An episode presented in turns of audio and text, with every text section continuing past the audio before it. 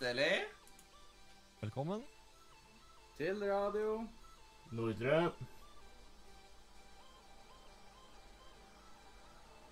Og i dag så er det eh, en eh, flott sending, nummer 190. Vi er 1, 2, 3, 4 Jeg måtte telle. Da blir det fem. Først og fremst så har vi jo meg. Eh, Mathias Kolsrud uh, Matkasting også. Det er bare det jeg prater med den dagen. Så. Og til min høyre eller venstre så har vi Ezekiel, som er dagens gjest. Halla. Og så til hei, min helt høyre eller venstre så har vi Ukultur, eller Elias, da. Om du foretrekker det. Jau, jau. Og så, som vanlig under meg, så har vi Amandus slash Trampe. Uh, Ja, det Det er meg, høres altså. like bra ut hver gang. Uff, uff, uff. Og eh, i dag så kommer vi til å måtte løpe litt fram og tilbake av at jeg holder på med middag og sånt eh, samtidig. Vi holder på å grille, faktisk. Og da blir jeg litt sånn, sånn typisk eh, i film og sånt. Du vet når en eh, dude har to dater samtidig og hoppe imellom datene. Så blir det Ah. litt samme greiene her for meg i dag. Ouch. Yes. Og til slutt liksom, så møtes de og bare What the fuck? Men det, det, det, dette her kan jo bli som en date mellom alle oss tre. Og så er den andre daten er liksom middagen du skal spise med alle, andre. Så det kan jo måte Nei, nei det var tuller. Det, det er tre der ute og liksom, tre andre der ute. Oi. Oi, det hørtes ikke bra ut. Nei, det hørtes ikke bra ut. Absolutt ikke. Ja. ja. Man må ikke starte med sånne type ting så tidlig i sendinga. Men først i programmet så har vi jo Hva skjer? Da kan jo jeg starte. Og det jeg har gjort i det siste, er at i dag så tok jeg min første kjøretime. Jeg vet hvor det er. Hvor det gikk, er det jeg vil vite først. Mhm. Hvor det gikk, er det jeg vil vite først. Jeg så noen som hadde kjørt på Boris eh, Johnson sin bil. Var det deg? Nei, ikke denne gangen. Skulle ønske? Nei, nei. nei. Ja, men ja. Og den kjøretimen gikk veldig bra, og jeg ble sendt direkte liksom, til trinn to. Oi, første ja, han time. sa til meg at eh, jeg, ja, ja, jeg, så, jeg så at eh, Jeg ser at du har kjørt mye bil før. Dette her, dette kan du. Så det er liksom ja. Han der kjørelæreren han er jo kjent for å liksom ha Og min eh, strikprosent. Så det lover jo litt bra, da. Ja, eh, jeg må bare avbryte og si at du hakka opp litt grann av og til at du får ikke hele lyden. eh, Ja, det er på, gru det er på grunn av det er på grunn av nettet her. Ja. Det, det kan jeg ikke gjøre noe med, dessverre. Jeg er på trådløs. Det er derfor jeg ikke er den som streamer. For da hadde dette vært et helvete for dere. Ja. Mm. Jeg måtte, måtte inn i Twitchen Men- i stad og så sjekke. Jeg måtte, var, jeg måtte ikke bare være meg. Ja. Mens i går så tok jeg og spilte litt OA-frem igjen. Så det er lenge siden jeg har spilt nå. Jeg, det er første gang jeg spilte etter jeg kom til Sørlandet. Utenom det så har jeg liksom bare jobba, eller gjort et eller annet fram mot lappen, eller sett på The Office. Nice. The Office, er eh, det amerikanske, da. Ja. Og så tok vi og begynte på en HBO-serie. Det det er jo der man ser på The Office. på HBO. Eh, From the Earth to the Moon, eller et eller annet sånt. Serie. Som man begynte på. Ja. Anbefaler du den? Hva? Vil du anbefale å begynne på den? Ja, det, det er jo interessant. Den, det er ikke en dokumentar på samme måten, men det er liksom de har recreata det, på en måte. Litt sånn som Tsjernobyl? Så man får jo sett litt. Ja. Flott. Så Ja. Jepp. Kult. Og The Office vil jeg anbefale enda sterkere. Og The Office det er en flott serie. Alle Oh, memes som er på The Office, er helt sykt. Oh, how the turntables. Men jeg må si jeg liker den britiske, britiske versjonen bedre, da. Yep. Det må sies. Men det eh, Det er det Det det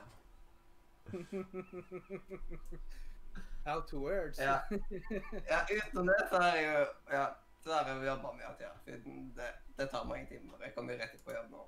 Så nå, nå skal jeg gå og passe på at uh, ting er plukket opp på grillen, og så kommer jeg tilbake uh, ja, hvis, hvis jeg ikke er tilbake før dere fått eh, Før dere er ferdig med å prate Nei, så blir det At ja, gå gjennom hva som skjer, og hvis det er nødvendig, så kan dere hoppe over i Nise.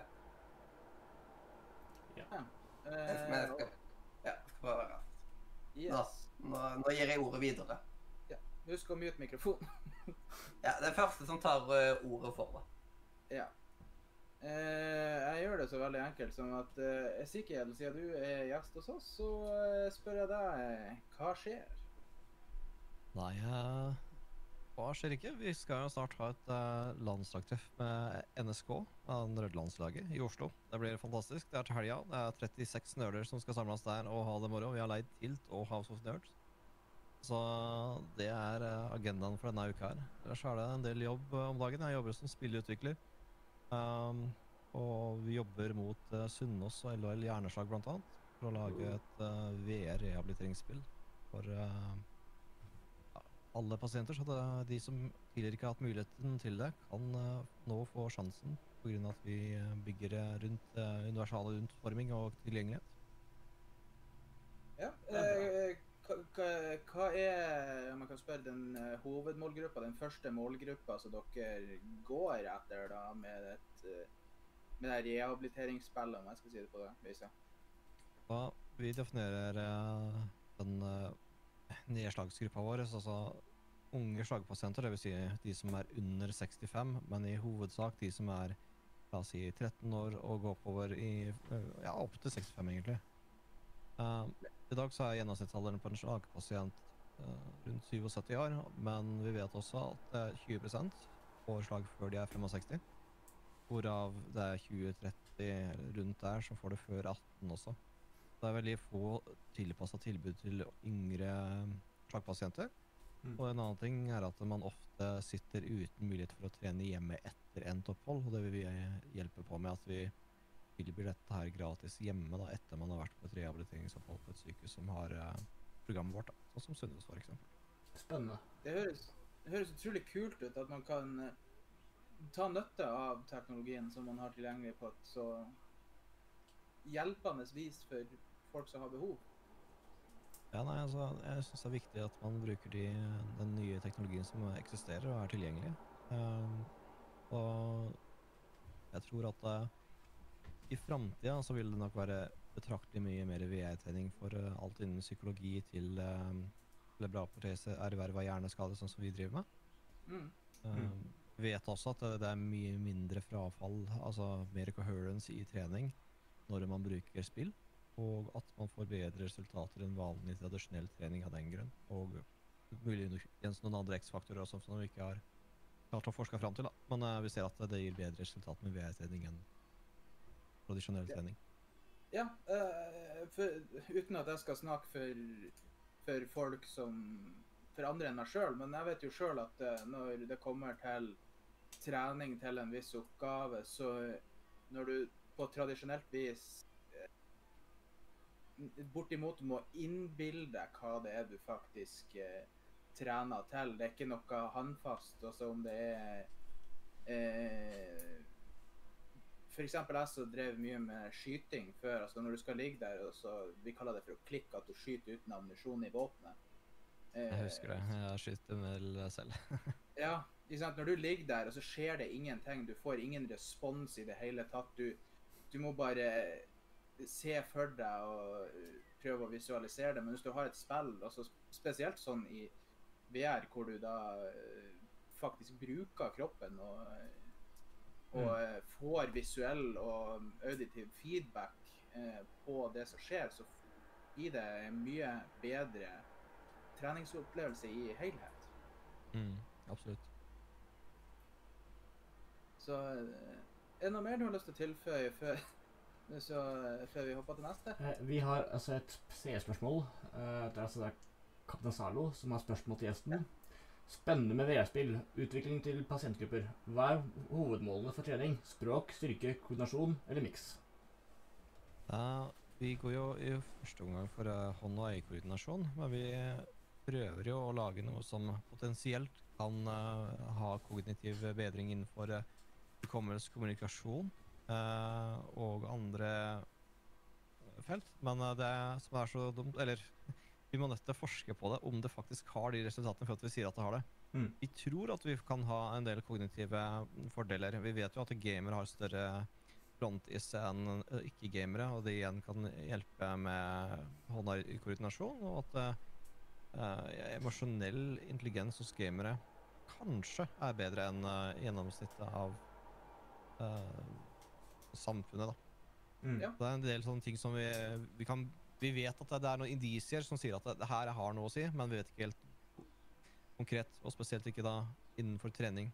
Så det må forskes på. Så det er jo en ting som vi kommer til å gjøre etterpå endt uh, utvikling, er å prøve også å få i gang forskningsprosjekt med tanke på å få resultater innenfor de andre X-faktorene som vi ikke vet noen ting om.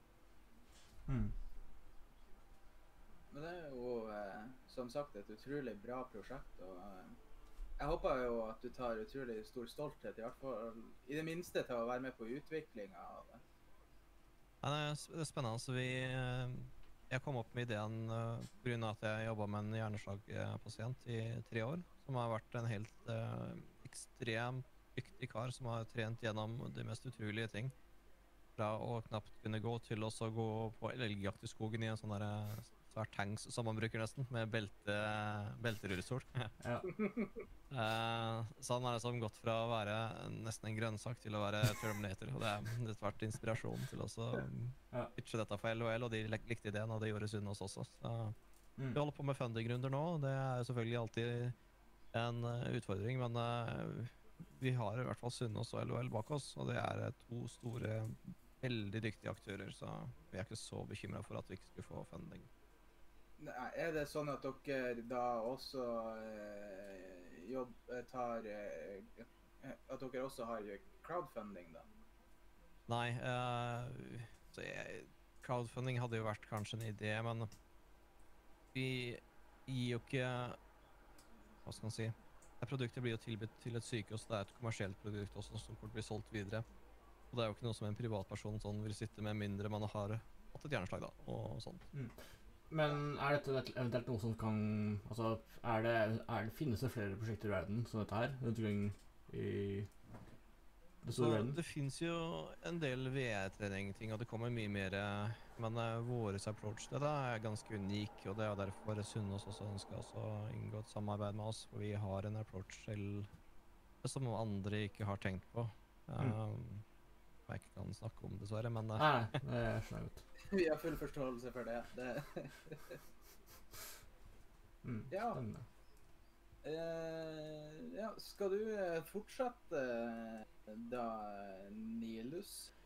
Ja, jeg får vel det. Um, ja, min uke har jo ikke vært så spennende. Liksom, i, I går jo, jeg jo, Det har skjedd store, store ting uh, denne uka. da. Eh, første, jeg fikk jo vitnemål i går.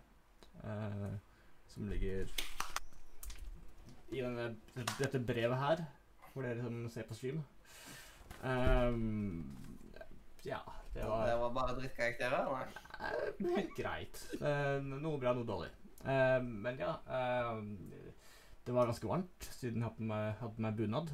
Det, for jeg har en bunad, og det er Det var varmt. Det var vel nesten 27 grader, tror jeg, ute. Og det var fryktelig varmt. Eh, Eh, Fins det et bilde av deg i bunad? ja da, jeg tok et senest i går. Ja. Hvis du vil se. Ja, det vil jeg gjerne se. rævansvært? Um, Ja, nei, eh, bunad er kult, så det ønsker jeg å se. mm. Så, uh, ja. Jeg skal prøve multitaske mens jeg snakker. jeg. Um, og så har jeg um, Jeg har jo hatt Ja, eh, som følge av vitnemålsstuderingen så har vi hatt Så hadde jeg hatt Så har jeg blitt ferdig med videregående. Det er stort. Det som er eh, veien videre, det, det, får, det får vi se. Eh, så har jeg feiret bursdag. Eh, var på fest på lørdag og feira familiebursdag på søndag. Ja. Så det var jo eh, morsomt. Eh, og så har jeg drevet mye med sim- flysimulator. Jeg har jobbet mye med flysimulatoren min siste uka med tanke på optimalisering og prøvd å fikse noen småproblemer jeg har hatt ehm, med den. Utrolig kult. Mm. Da må jeg jo spørre, når er det du har hatt bursdag? 12. juni. Det vil si at jeg fylte faktisk 19 ehm, ti minutter før vi enda, enda, eh, enda sendingen i fjor. Eller enda sendingen eh, forrige uke. Så det var litt sånn uh, For han hadde bursdag på stream, så da var det bursdagssang å følge på. Ja, dessverre. Ja. Nei da. Da får jeg gratulere deg med overstått, i hvert fall. takk, takk. Eh, jeg legger altså ut bildene på Radiosjett av den uh, mine flotte bunad. Jeg hadde ikke på meg eh, Jeg hadde ikke på meg hele bunaden i går for at det hadde vært for varmt, men eh, ja. Du, får, du, du, må se for, du må se for deg denne bunaden her med en eh, på en måte dressjakke. Uh, Ja. Ja. Putte den i deling. Uh, Radiosjett. Ja, Ja. Rått. I, i, i, i. Utrolig kult. Røk. Så det, det, var, det var meg. Hva med deg, um, uh, Ukultur? Eller Elias? Ja, nei, Elias kan du bruke, du Ja. Eh, I uh, utgangspunktet så har det skjedd ganske lite i uka. Men nå er det nå vel eh, to uker siden jeg var med på sending sist. Og det har ikke skjedd så veldig mye mer, selv om at det er to uker. Uh, så eh, nei, jeg har arbeid, og jeg er ferdig med min periode uh, hos uh, Elektro her i Bodø. Så nå er det bare spent å se på hva neste neste steg i livet blir for min del. Du er ferdig, men hva mener du? At du er ferdig med arbeidet? Eh, jeg har hatt en uh, avtale gjennom Nav hvor jeg har uh, Det heter arbeidstrening.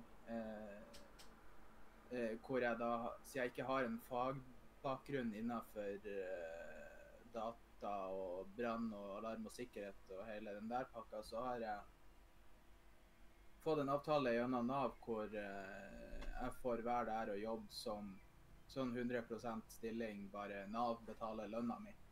Eh, og så i motsetning til å være ansatt i bedrifter, så har ikke bedrifter noe større forventninger til hva jeg kan, eller noe sånt. Det er utgangspunktet der for å lære yrket, og for de som trenger det, så er det også for å eh, trene det som heter for arbeidskondis.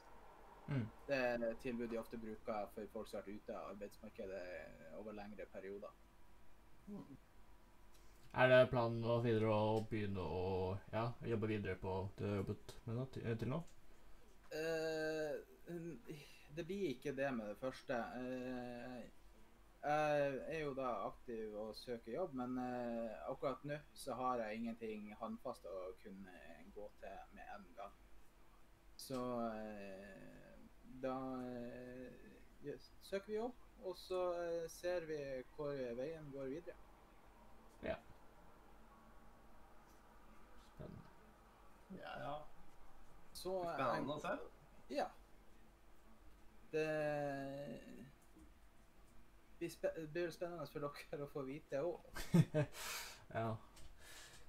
Jeg har jo eh, arbeidet mange plasser til nå, så Sånn. det Fortsett, fortsettelse følger. følger. Fortsettelse følger, følger, ja. Ja. Men da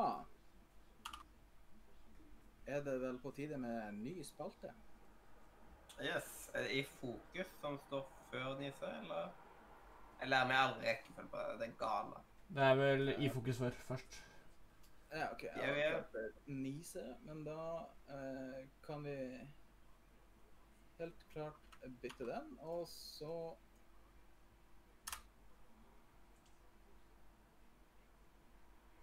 Hallo. Roseline, er du våken? I fokus. Kanskje har fått korona, så hun har- hun kjenner litt på symptomer og er litt nervøs og sånt. Ja. Ja, regna med det. Jeg hadde også vært Ja. nervøs hvis jeg hadde blitt tvunget Tvunget til å spille noe. Tvunget til å si noe. Men eh, ja, i fokus det handler jo rett og slett om gjesten, og da kan man jo starte med at gjesten tar og introduserer seg sjøl. Ja. Jeg er eh, Ezekiel Hauge. Jeg er innehaver og co-founder hos Y-Serpent Studios som, eh, AS, som er et uh, utviklingsfirma basert i Notodden i Telemark. Um, vi har en programmerer som er fra Texas. Han sitter og jobber derfra. Uh, og så har vi en eh, dokumentskaper og historiemaker som heter Bjørn Roar Gisnås, som er co-founder med meg. Uh, vi har fokus på serious games, eller applied games, som er spill som er basert har primærfunksjon annet enn underholdning. F.eks. rehabilitering, art, eh, hvis eller lignende. eh, forskning, medisin. Men eh, vi jobber også frilans for andre bedrifter som trenger hjelp til å lage forskjellige ting. Kanskje det er en prototype, noen som trenger hjelp til eh, noe level design. Så vi har bl.a. Uh, jobba litt for Portal One, og akkurat nå som ja, faktisk det du ser i bakgrunnen, er for Tromsø kommune, eller Tvibit. Som er noen kule saker som vi holder på med for de. Så det er en, en minimum viable product, eller MVP-prototype. Ja. Um, Nice. vi, gjør, eh, vi jobber med Unreal Engine uh, 4. Vi kommer til å jobbe med Unreal Engine 5 snart. gleder vi oss veldig til. Det er en revolusjon innenfor eh, utvikling, så det blir kult. Det har jeg hørt mye om, ja.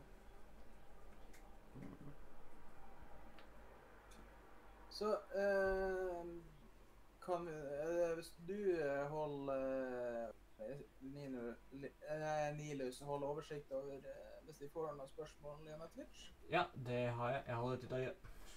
Yes. eh, så Så- ja. Jeg er 34 år, gift, to unger. Uh, en datter og en sønn. Sånn, da har vi hele introen. Ja, eh, så begynner vi da eh, Skal vi stjele en fra nerdelandslaget, så sier de 'Men spiller han, da?' Det er jo kommet inn spørsmål, faktisk. Men ja, bare ta. Men spiller han da først?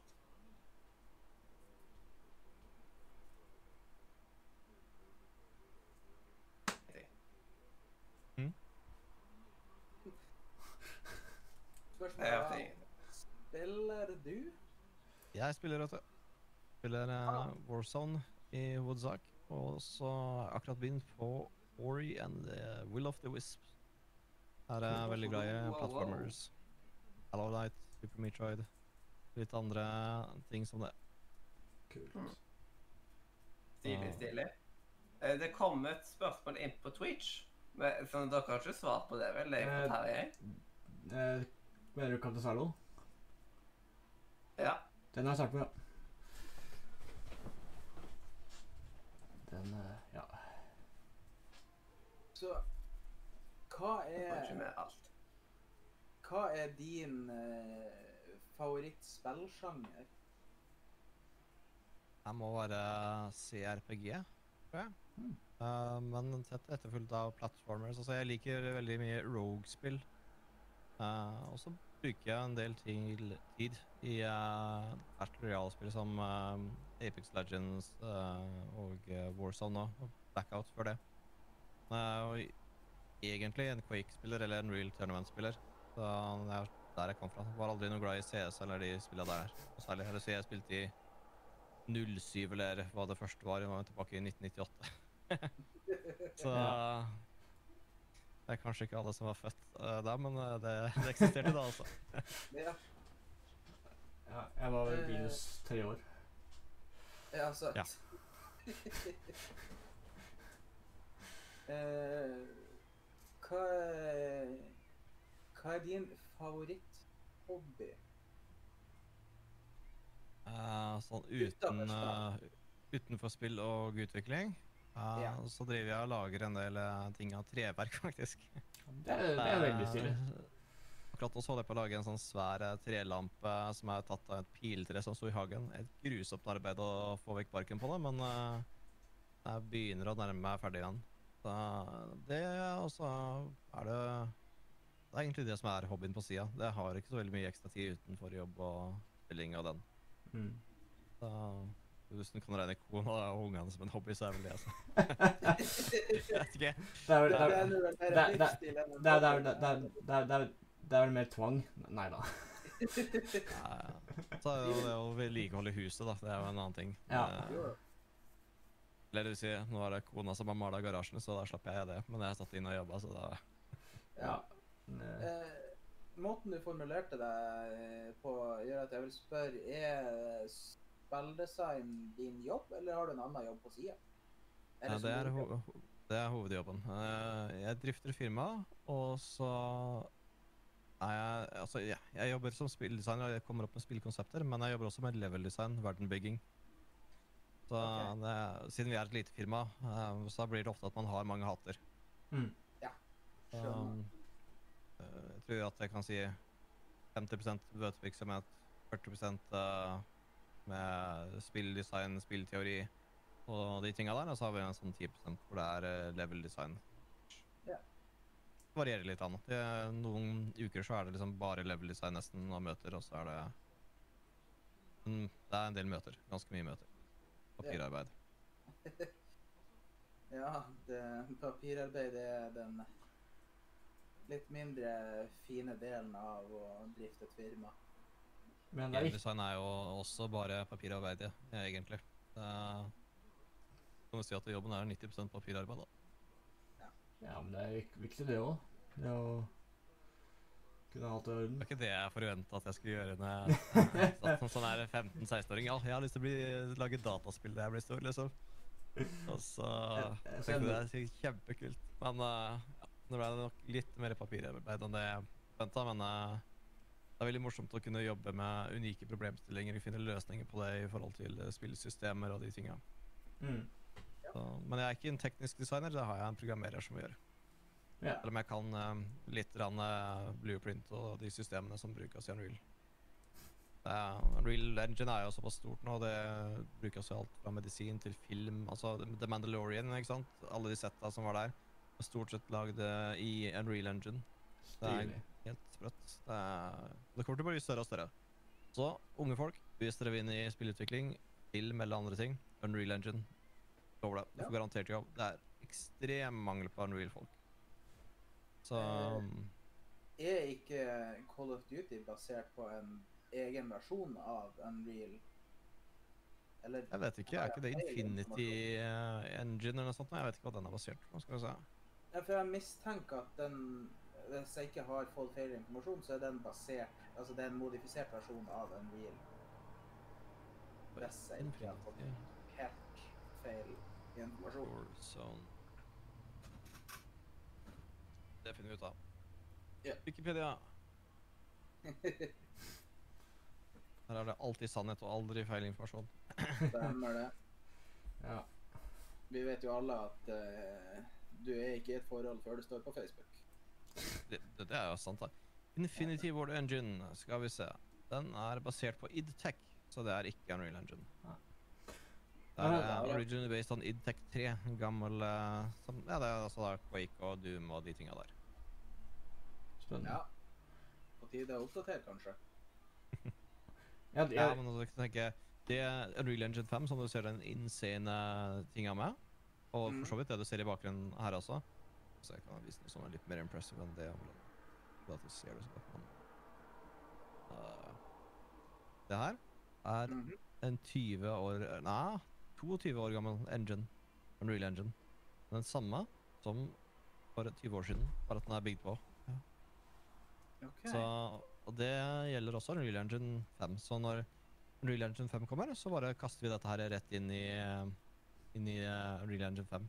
Kanskje vi må gjøre noen små bugfixes og konvertere noen spotter i, men det er som gjort på ikke, ikke veldig lang tid, i hvert fall. Det er ikke så veldig mye effort. Når er det egentlig Unreal Engine 5 er det regner med å komme ut, da? Uh, jeg har fått et forspeil til at jeg får tilgang til den tidlig 2021, og at det blir eh, full release, uh, retail release, uh, i slutten av 2021. Stilig. Da kan du sikkert regne med at du ser de første spillene der 22, 20, 23 og 20. I hvert fall fra Trippel A-studio. Og så ser du kanskje noen indie-spill ganske kjapt. Det kan hende at det, vi bare kaster ut noen Real Engine 5-greier veldig kjapt tidlig i 2021 med den preview-versjonen, egentlig. Mm. Bare for å ha gjort det. Ja, ja. Det, um, det er så sinnssykt mye teknologi i den Night-greia. Den derre Hva skal man kalle det? Du kan bruke cinematic assets. Uh, assets med flere millioner eh, polygons, eller milliarder av polygons på én scene. Og så har du lossless og skeldre ned til 20 millioner polygons. Mm. Du kunne bare glemme å ha en milliard polygons på skjermen i dag. Det vi ser på skjermen her nå, eh, kanskje vi snakker om et par millioner polygons hvis jeg trekker strikken ganske langt. Det er ikke det engang. Mye mindre, faktisk. Så, og da kunne du ha opptil 16-17 milliarder polygons på en CD. Da får du ganske drøy grafikk. Ja. ja. Det blir Pluss spennende. eh. Lumen lyssystemet er jo helt eh, sprøtt. Dynamisk eh, light, altså raytraced light over hele scenen. Med pixel perfect skygger. Nice. Liksom her sitter jeg og Og gleder du kan kjøre det på en trash-ting som en PlayStation 5. En liten eh, PCMR Trash? Hint Kanskje. der.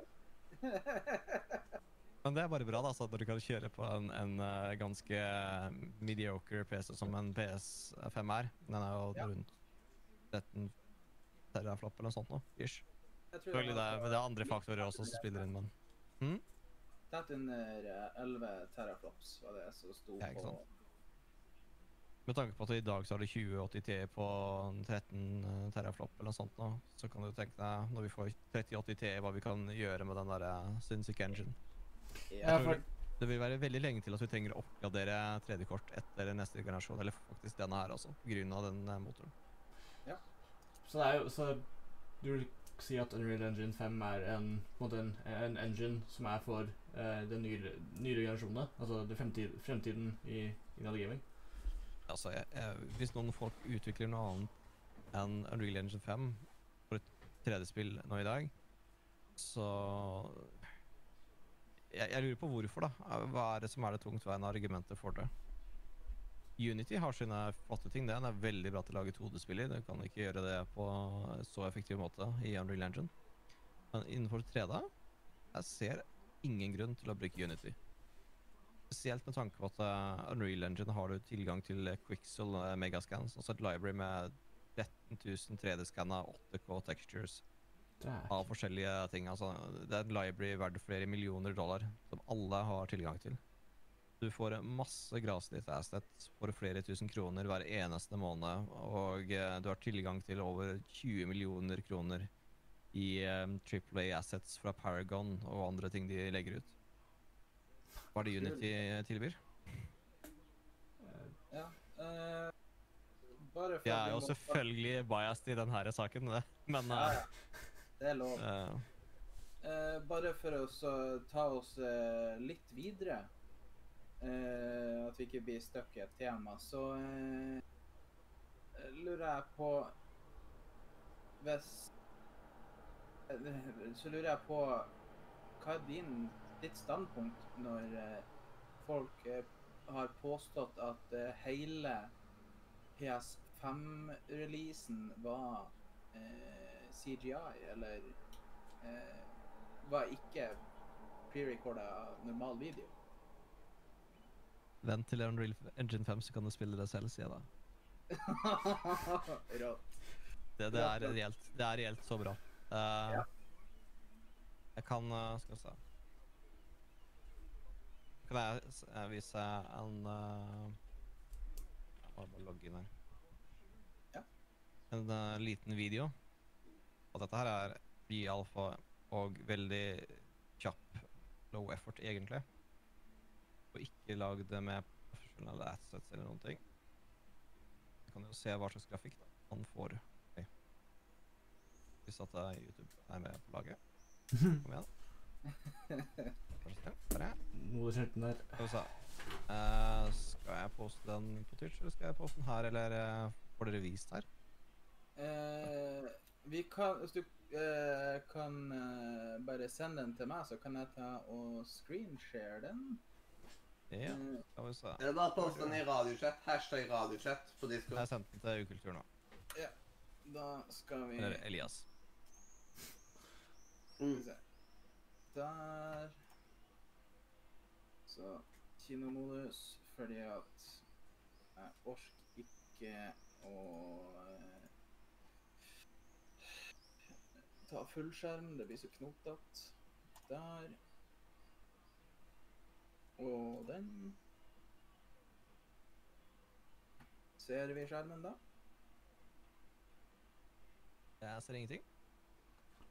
Eh, Ah, jeg må har- Du må ha oppe Discord-vinduet. Ah ja, det er vårt stream, ja. Ja, der, vet du. Se, nå tar vi bare alt lyd.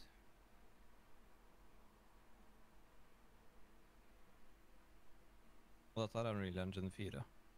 Dæken. Og Du ser sky, de skyene på himmelen der, de tar halve processing-krafta til et eh, 2080 Ti. Herre min.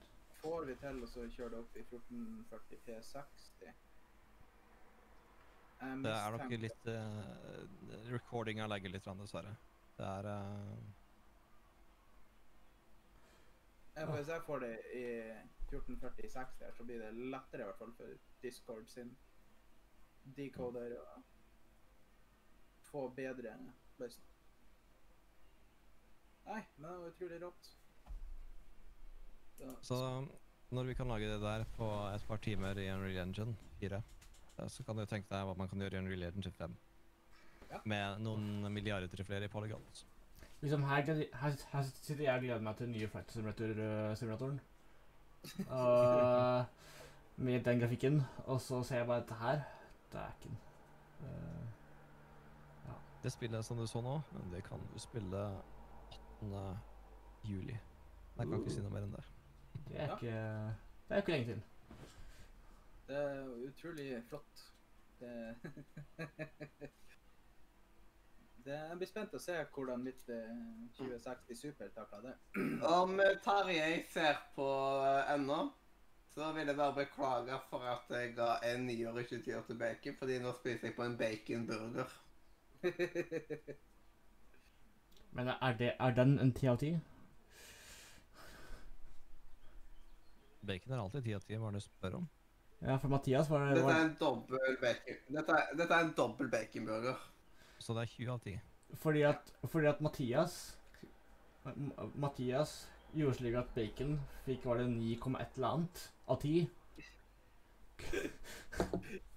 Men bacon er livet. Så enkelt er det. Ja. Hvordan klarer du å få bacon til å være 9 av 10 og ikke 10 av 10? Det er vel noen som har bestemt seg for å være Spiser du en den rå, da? Sjøl da er det jo ti av 10. Ja, egentlig. faktisk. Foreldrene mine har ikke vært så heldige med å steke bacon. Jo, er det for om du Vet du hva? 9 av 10, da må du ta ananas på den. Det er måten å gjøre det på. Oh, det nice. leder jo ganske pent Akkurat inn som eh, pizza. Så det du eh, Da fikk vi det svaret ganske fort, i hvert fall. da. Vent, vent, vent, vent, bare, bare for bare for liksom å presse deg litt sånn mer Er du er du mot eller er du for eller mot ananaspizza? Altså, jeg har jobba som kokk. Og jeg har eh, Ja, det er jo egentlig en hobby, det også. Så hvis jeg ser noen som kommer med ananas på en pizza, da er det ut av kjøkkenet mitt, ut av huset. Oh my god. Yes, yes. Åh. Mm. Åh. Det er, det er, det er musikk i mine ører. Det, mm, mm. Altså, du kan godt ha en Hawaiian-pizza med ananas på, men det er ikke en pizza, og i hvert fall ikke en italiensk pizza. Oh. Så en pan-pizza pan-pizza er jo en helt annen ting enn en vanlig pizza. En pizza er jo da en italiensk pizza. Pan-pizza helt annet. Da kan du sikkert stappe på hva du vil. Er Mer Ja. en pai enn noe annet. Sant, sant. Elias er ikke enig, eller? Siden han forsvant ut av rommet. Nei, det var de Ja, jeg bare så det at han tok reiste seg opp og gikk. For de, de som hører dette på Spotify eller eh, iTunes eller sånn. Elias, re, eh, der han prater om at eh, nei, jeg kan bare forlate kjøkkenet mitt liksom med annen pizza, så reiste Elias seg og gikk ut av rommet. Det var god timing, med andre ord. Nei, jeg har klær der som lå og de plaga meg at de lå i eh, videoen, så da gikk jeg og la de på rommet. Stilig. Så Det, vet du hva noe som kan ta og ødelegge eh, sjokolademelk? At du tenker at det er kald kakao. hvordan ødelegger det sjokolademelk? Kald kakao, Eller? Eh, At man tenker at det er kald kakao. Og da liksom, da får jeg bare gangene at jeg forventer at kakaoen skal være varm. ja, Så da får jeg den eh, smaken. Ja. Drikk kaffe. Gjør det. Sjokolademelk smaker jo så mye bedre.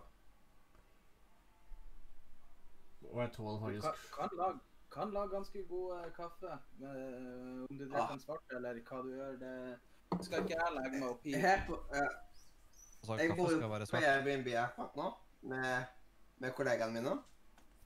Og det- det som jeg er blitt kjent for her, er liksom Det er sjokolademelk. At jeg drikker så sykt mye sjokolademelk. Den dagen tok de og liksom kjøpte sjokolademelk til meg, og jeg vurderte Hæ, hvordan visste du at jeg skulle ha det? Og så, «Nei, jeg vil litt ned. Nice. Ja. Jeg var vel ganske hard på sjokolademelk før, jeg, altså. Men så er, Men, eh, men, altså- men så er spørsmålet er det, ti, er det Tine eller kumelk sin sjokolademelk som er best? Eller den som bare heter sjokolademelk. Tine. Den som heter sjokolademelk, den derre uh, brune greia med den kua på som de solgte for ti år siden eller noe sånt nå. Jeg, har ikke, jeg vet ikke om den selger den lenger. er Den, så du får en sånn liten greie også, ikke sant? Med sugerør. Du får den også i stor liter. Ja. Ja, den heter bare Chocomel. Ja. Ja, den er den som er god. Ja. Uh, ellers så har du den derre yt protein-saken uten fett uh, med sjokoladesmak fra Tine. Den Den, er god, men, men den koster er- 50 I kroner. I kjøleskapet I kjøleskapet så har jeg to sånne eh, eh, vet du, med sjokomelk. Mm. Og så har jeg- har en liter god i sekken. Ja. Det, det, det, er, det er altså sånn at uh, du er som en nordmann som snuser på sydentur. Bare eh, sjokolademelk. men, så, nå- men, da blir det, men da blir det ikke noe sydentur å gjøre, da. Så det, Nei.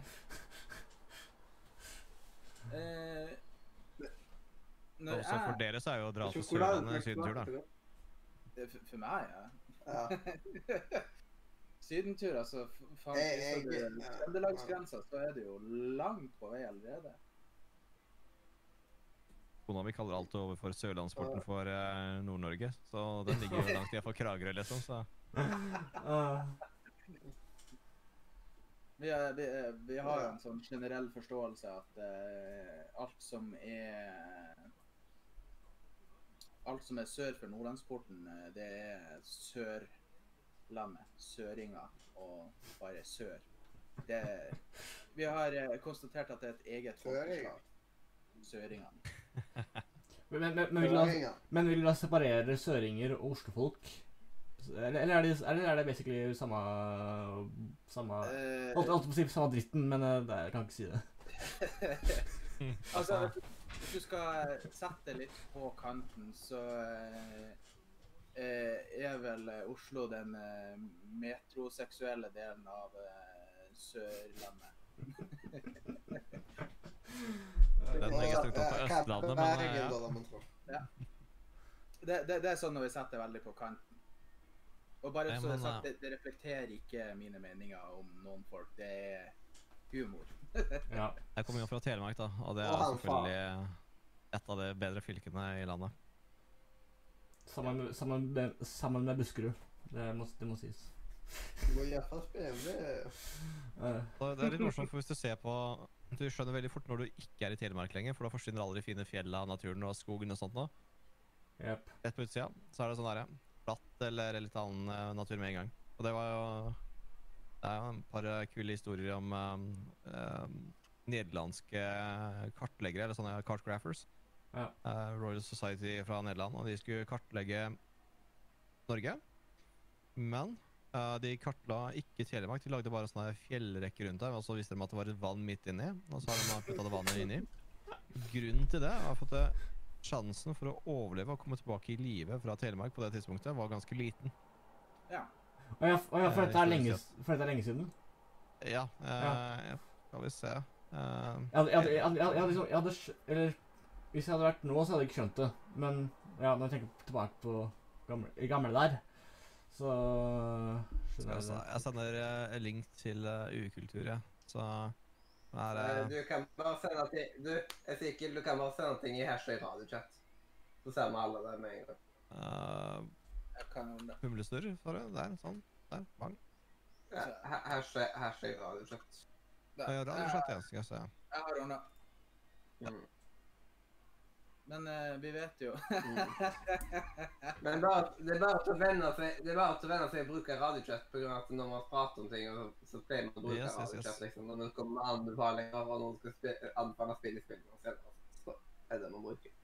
Vi vet jo alle at tele er jo eh, gammelnorsk for eh, frost, så Telemark Det er jo ikke eh, veldig eh, veldig eh, varmt her om vinteren, men det er sinnssykt varmt om sommeren. da. Vi har jo veldig ofte høyeste snittemperaturen i hele, eh, i hele Norge, eh, i Telemark, i Notodden, faktisk. Samme er det også i, um, det er også i Nesbyen i Buskerud. Er også liksom det stedet som er um, det mest kaldeste i hele Norge i løpet av vinteren, nesten. Det heter ikke Buskerud lenger. det heter ikke Telemark lenger. Eller da, det heter Vestmo Telemark. Så, men jeg kaller det Men, Men, men nå snakker jeg om Telemark som uh, Men vi uh, man, kan, man kan bruke Buskerud som, en, eh, som, som et uh, sted. Og i- så lenge ikke man bruker det som et fylkes... Eller man, ikke- man, man ikke bruker det som det administrative og Ah. politiske. Men jeg har Buskerud som geografi, geografisk område har det stedet eh, i Norge som jeg tror er det som er varmeste i løpet av vinteren. Eller det varmeste i løpet av sommeren, og det kalles i løpet av vinteren. Nesbyen i Buskerud. Klager til Elima som jeg har tatt og uh, hele chatten til jeg så først nå. At uh, det er skrevet. Hei, dere kjekke menn. Ikke bann. Ku sjokolade. Litago er Litago. Uh, Litago er best, da. Føringer Herre av. Litago er best. Ja. Så prøv å få justert her, så vi får med Twitch-chatten her, så Ja. Nei, det skal vi Deskpins er en fantastisk app, er akkurat det der. Og det pinner så mye vinduer vi over hverandre. Ja. Hæ? Nei eh, What? Deskpins. Deskpins. Det hjelper oss å ha 49-tommer, da, men uh, du kan sikkert gjøre det på en 16.9 også.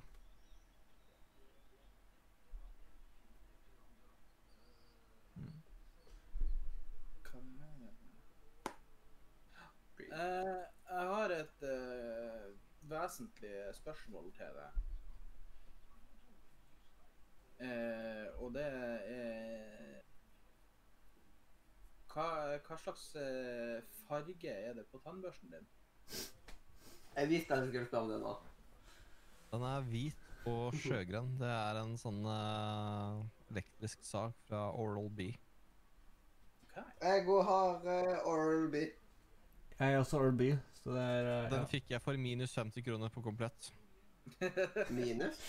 Jeg hadde gavekort, og det var rabatt og litt sånne ting, så jeg fikk en gratis. så Nice. Nice. Det var når komplett mobil var en ting.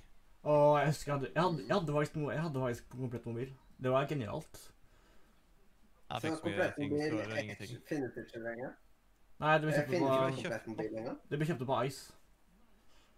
Ja, og da skifta jeg til eh, det som Hva, hva det heter det? Next Gentel? Nei. Nei, nei, jeg er jo gal. Jeg skal ikke ha noe av det greiene. Det var um, en sånn der eh, ja, jeg husker, det, er ikke, det eksisterer ikke lenger. Jeg husker ikke hva jeg har nå engang. jeg da. Det Eh, er billig, i hvert fall. Shield-mobil.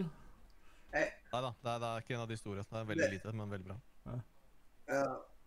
Det er neppe, det er neppe bi- Jeg tviler på at det er billigere enn mitt abonnement. Eh, Jeg betaler 119 kroner i måneden for Fjordkraft. Ja, men det er samme type som det greiene der, egentlig. Uh, det er et sånt kraftselskap som har det. Bare et annet navn. Hva er det fjor... Fudia har jeg nå. Fjord... eh, fjor um, Fudia mobil. nice. Spons var det det het før. ja. Ja.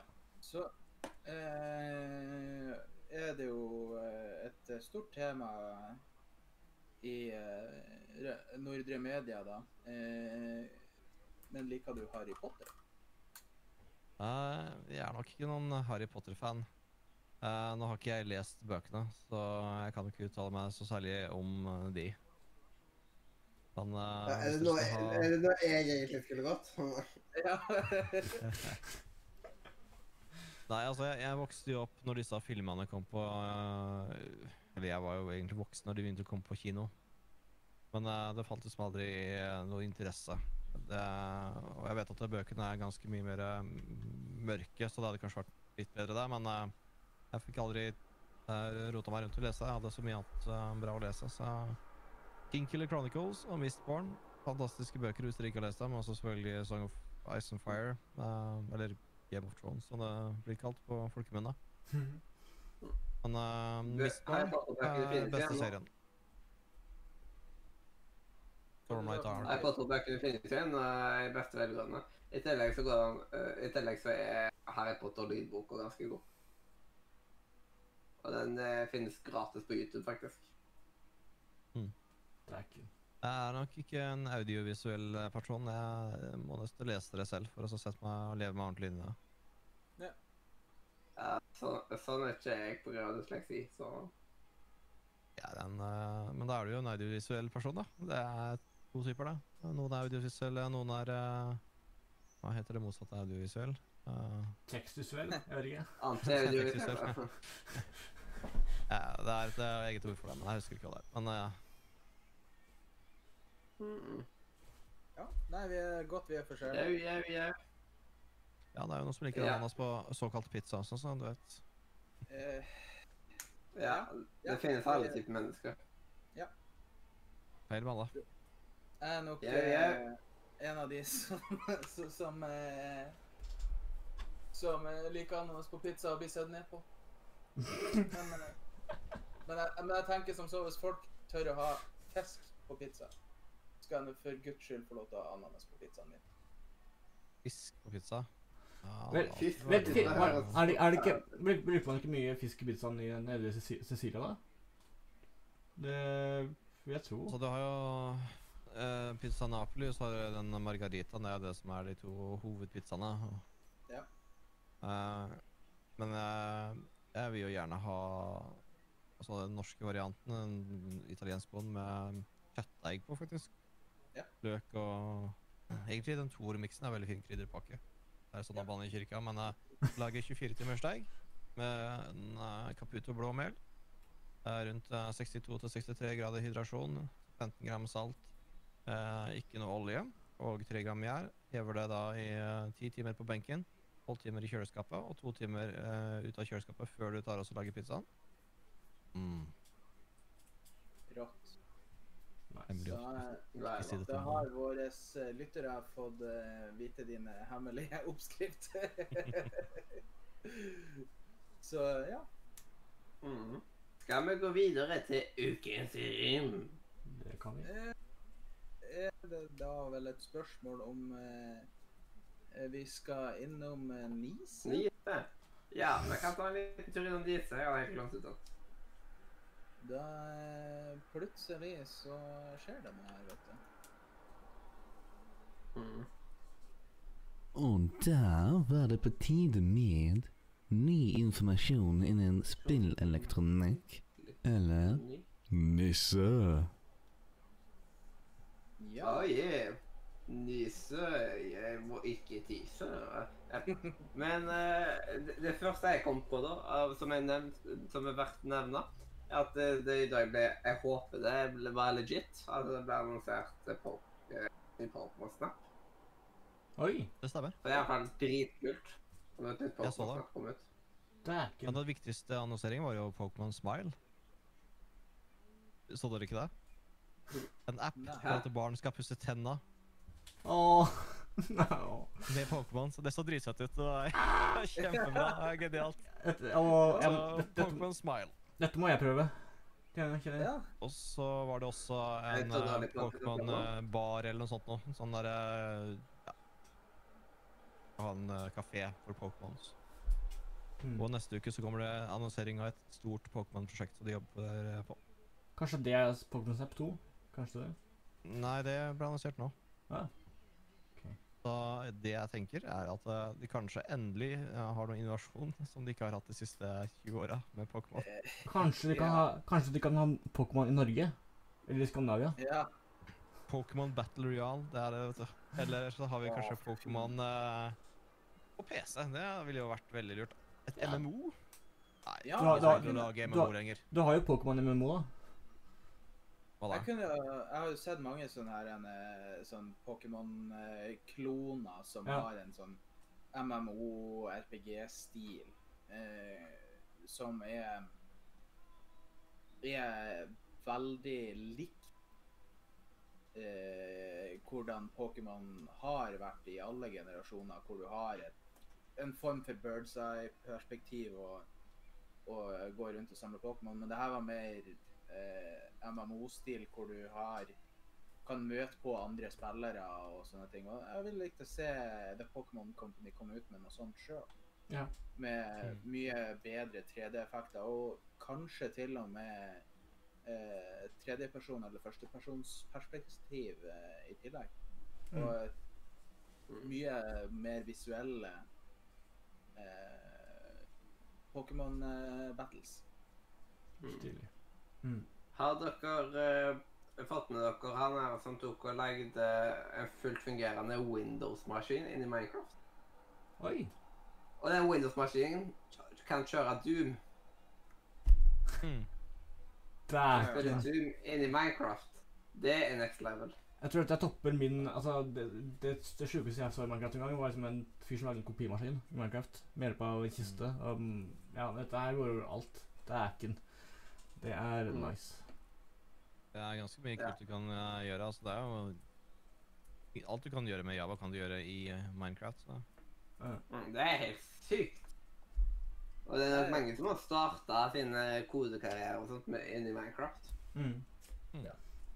Mm, jeg har lyst til å ta eh, og bringe opp en ting som er dere, dere lyttere som husker veldig godt. Jeg husker sikkert uh, Var det for fire-fem uker siden jeg snakket om det jeg snakker om nå. Um, det er en, en Ja, iallfall innenfor flysimulator. Uh, det er jo egentlig ikke noe med flysimulator å gjøre, men det er uh, Jeg fikk endelig Jeg har, jeg har endelig fått prøvd um, eh, noe som heter eh, Vulcan, som er altså en um, ny grafikkmotor eh, til diverse Eller det er vel det er vel ikke en grafikkmotor, men hvert fall det, det er en, et, et alternativ sånn her eh, Jeg husker ikke hva det heter. OpenGL, eller hva det heter.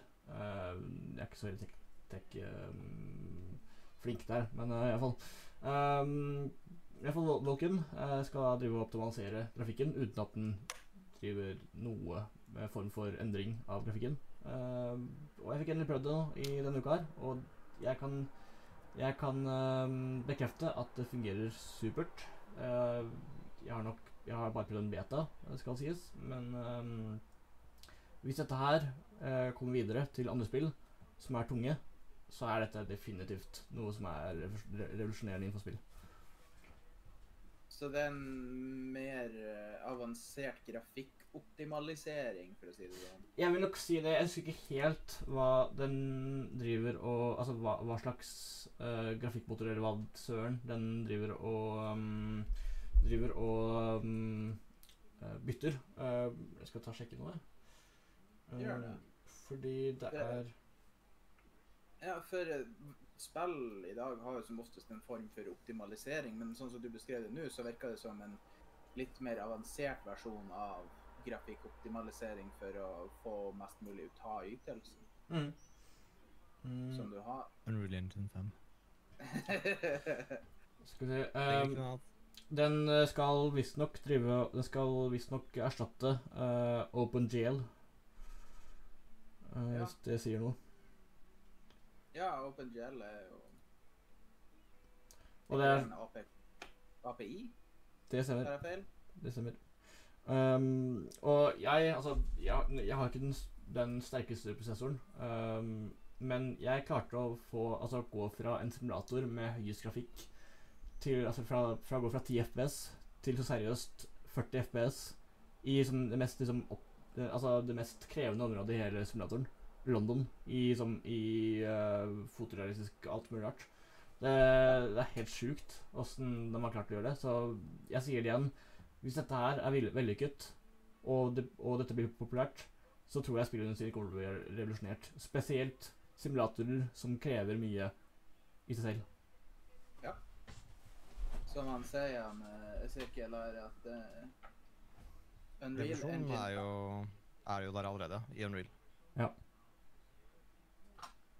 Ja, derfor eh, Jeg har bestandig vært så, så skuffa over, eh, over eh, Når jeg har uh, starta et spill, eller at noe har krasja, eller noe sånt, så kommer det opp en varsel Would you like to use optimized settings, eller noe sånt. Og det han egentlig gjør, det, han skrur bare grafikken ned på null.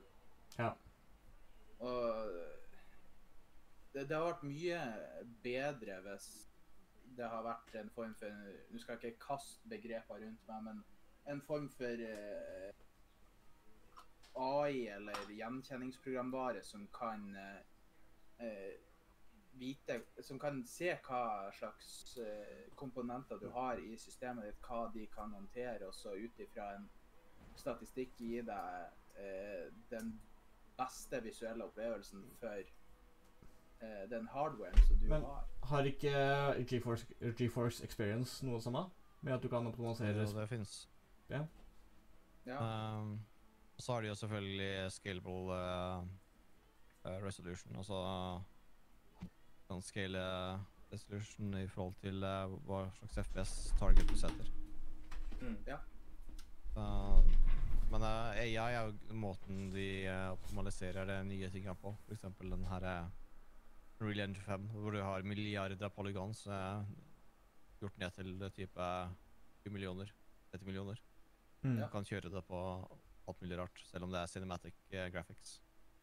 Det eneste som kommer til å være en big ting, er at eh, ehm, Og det er jo noe grunn til at de har veldig raske SSD-er, da. Uncompressed, altså ukomprimert, vil disse her assetsa ta noe enormt på en plass. Og du vil se spill som er 500-600 gigabyte eller mer. Mm. Ja. Så have fun. Ja, jeg ser for meg at uh, at uh, en terabyte eh, SSD-lagring uh, om et år eller to er veldig lite. ja. Det, Ja. For det er også en ting som jeg, jeg er veldig interessert i flysimulator og alt mulig rart. Uh, det kommer jo en ny uh, Xbox, eller um, Microsoft, um, som sagt, som mange kjenner til. Um, lanserte, eller ikke lanserte, men altså de hinta til, eller de jobber nå med nytt flysimulator, eller Flight Simulator 2020, Um, som 5 er petabyte. -hmm, Som er Det er eh, Det er sjukt hvor mye grafikk hvor bra grafikk og alt mulig det blir. Og det, her, det skal vel også bli nettbasert. At, at du må ha en ganske god nett, altså internettforbindelse for å kunne liksom kjøre kjøre det. 70 megabit tror jeg det var, for å få det beste. Ja. Men det er 5 petabyte med streama data. Mm. Og det, er- det er sjukt. Det er ja. så med andre ord, det er ikke noe du setter deg ned på uh, hotspot på telefonen og spiller. Uff. Du kan få offline eh, lagring også, men eh, Det er kommer til å bli stort. Um, ja. Men vil eh, du få de fulle fem petabytene, da? Eller eh, begrensa? så jeg antar at du kan eh, gjøre det hvis du beveger deg i områdene og laster ned alt, men uh, lykke til, da. ja. Ja. Verden er stor. Ja. Men, Men uh, eh, Hva du sier Mathias? eh, for å komme litt eh, videre til litt andre saker, Rom, og som ikke går altfor dypt inn i alt, liksom, ja. Ja. Har dere fått med dere at eh, jeg tror det er Det starter vel litt ja, om noen timer, vil jeg tippe, liksom, eller sånt, siden USA ligger jo litt bak. Men det er eh, eh, Indie Game-festivalen som Steam skal ha. Det har jeg ikke fått med Det meg. jeg har gått med. Der, der de tar og liksom uh, gjør tilgjengelig over 900 demoer eller et eller annet sånt av indiespill og sånt, for å få folk som legge merke til de. Dæken. Så hadde de rett og slett forspilt litt forskjellig sånt. Og så at uh, derav så var det tre norske spill som er inni den potten. Dæken. Stilig. Så Kl Klang 2, uh, Wigged Out og så Ta... Ta... Ta... Tank... Ta... Ta... Ta... Tank... Tank... Renek? Ja. Ja, det er fra Hamar eh, Game Collective, tenker jeg. Jeg husker ikke hva de heter. igjen, Men de Så eh, ja. Det er stil, men det er stilig at Steve skal ha det. Ja. Mm. Steve spillfestival fra nå og helt fram til 22. juli klokka 19. Hundrevis av gratisdemoer samt de direktesendinger og samtaler med utviklere. Hmm. Så den er i gang nå, faktisk. Det er stress. Ja, de uh, oppdaterer Steam-shoppen klokka syv hver kveld. Eller Ja, klokka syv hver onsdag, tirsdag. Ja. Syv om kvelden. Mm. Syv om kvelden, så ti Pacific time. Ja, det er i hvert fall syv norsk tid. Ja. Mm. Mm. Ah, en av tingene på ønskelista mi der. Jeg nice. Desperados 3. Det ser veldig kult ut. Eh, skal vi begynne å eh, luske oss videre? Ja, det kan vi godt. Ja. Se. Ukens rym. OK. Internett. Eh, og da er det ukens rym. Eh, har du fått eh, noe informasjon om eh, hva det er? Nei. OK, så ukens rym er i utgangspunktet en- ja, Mathias har en god forklaring på det, men det er altså vi skal rangere en ting. Eh, kan være alt fra tannbørste til dopapir til sokker. Eh, på en skala fra én til ti. Mm. Eh, og så legges det sammen og kastes opp på en eh, tabell eh, med flere forskjellige rym som har vært. Eh, bare for å ta en eh, kjapp eh, eh, benevning av eh, tre eh, tilfeldige her. Så eh, jazz som i musikk. Eh, Coca-Cola eh, og covid-19 har vi eh, hatt eh, som ukens rym. 19 av 10. Ja.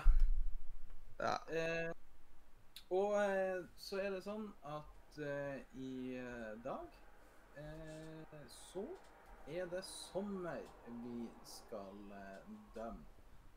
ja. Eh, og da gir jeg pent og pyntelig ordet til eh, Mathias, som skal få lov til å eh, starte den her. Var det meg du sa? Ja, Fordi du hacka akkurat Ja, du hacka akkurat når du sa det. så- Mathias. Ja. Jepp. Men ko Uh, Nei, det var ikke covid-19 vi skulle snakke om i dag. Det har vi snakket om. Og også bare så det er sagt, eh, så, eh, så fører jeg det opp det her eh, fortløpende. Ja. Um, rett og slett sommer. Det er jo en flott tid på året. Jeg er jo en person som liker å sitte inne og spille og se på serier. Og når det er veldig fint vær ute, så har vi veldig dårlige unnskyldninger til å sitte inne og spille og sånt. Jeg syns det er herlig med liksom fint vær og dette her, og det liksom man har ofte fri i en eller annen periode. Det er deilig med sommerkvelder og sånt. Og, ja. Det er masse hygge i sommeren. Men samtidig, når sommeren er her, så kommer det diverse insekter. Og jeg kan ikke takle veps, eksempel. Så eh, det blir sånn De er sånne partypoopers. De, der, eh, de driter over hele sommeren, liksom. Ja. Eh, Det, det er liksom jeg Når jeg skulle være i Danmark med folkehøyskoleklassen, var det liksom at Ja, nå skal vi nå, Det er så fint vær ute. La oss sette oss ut her og spise lunsjen her istedenfor å spise den inne. Altså, ja, ja, ja, det gjør vi. Og så var det jo stappa med veps der, så det liksom ødela hele gleden. Så liksom Det er så mye det ødelegger. Men for eksempel eh, Dyreparken er mye kjekkere å være i på sommeren enn på vinteren, fordi det er mye mer liv der. Dessverre så er det jo mye mer folk der òg, men når det er mye mer å gjøre, så går det opp i opp. Så ja, det har mange positive og negative sider. Det er til tider jeg hater sommeren når jeg går rundt på jobben og svetter som en gris når jeg skal ta og verve folk. Så da kunne det gjerne vært 20 grader kaldere. Men jeg tar da og legger meg på en sju av ti til sommer. Det er nice. Okay. Mm. Da eh, blir vel eh, neste Det blir eh, Nilus, det. Ja, det Og navnet ditt eh, i tabellen her blir Leander.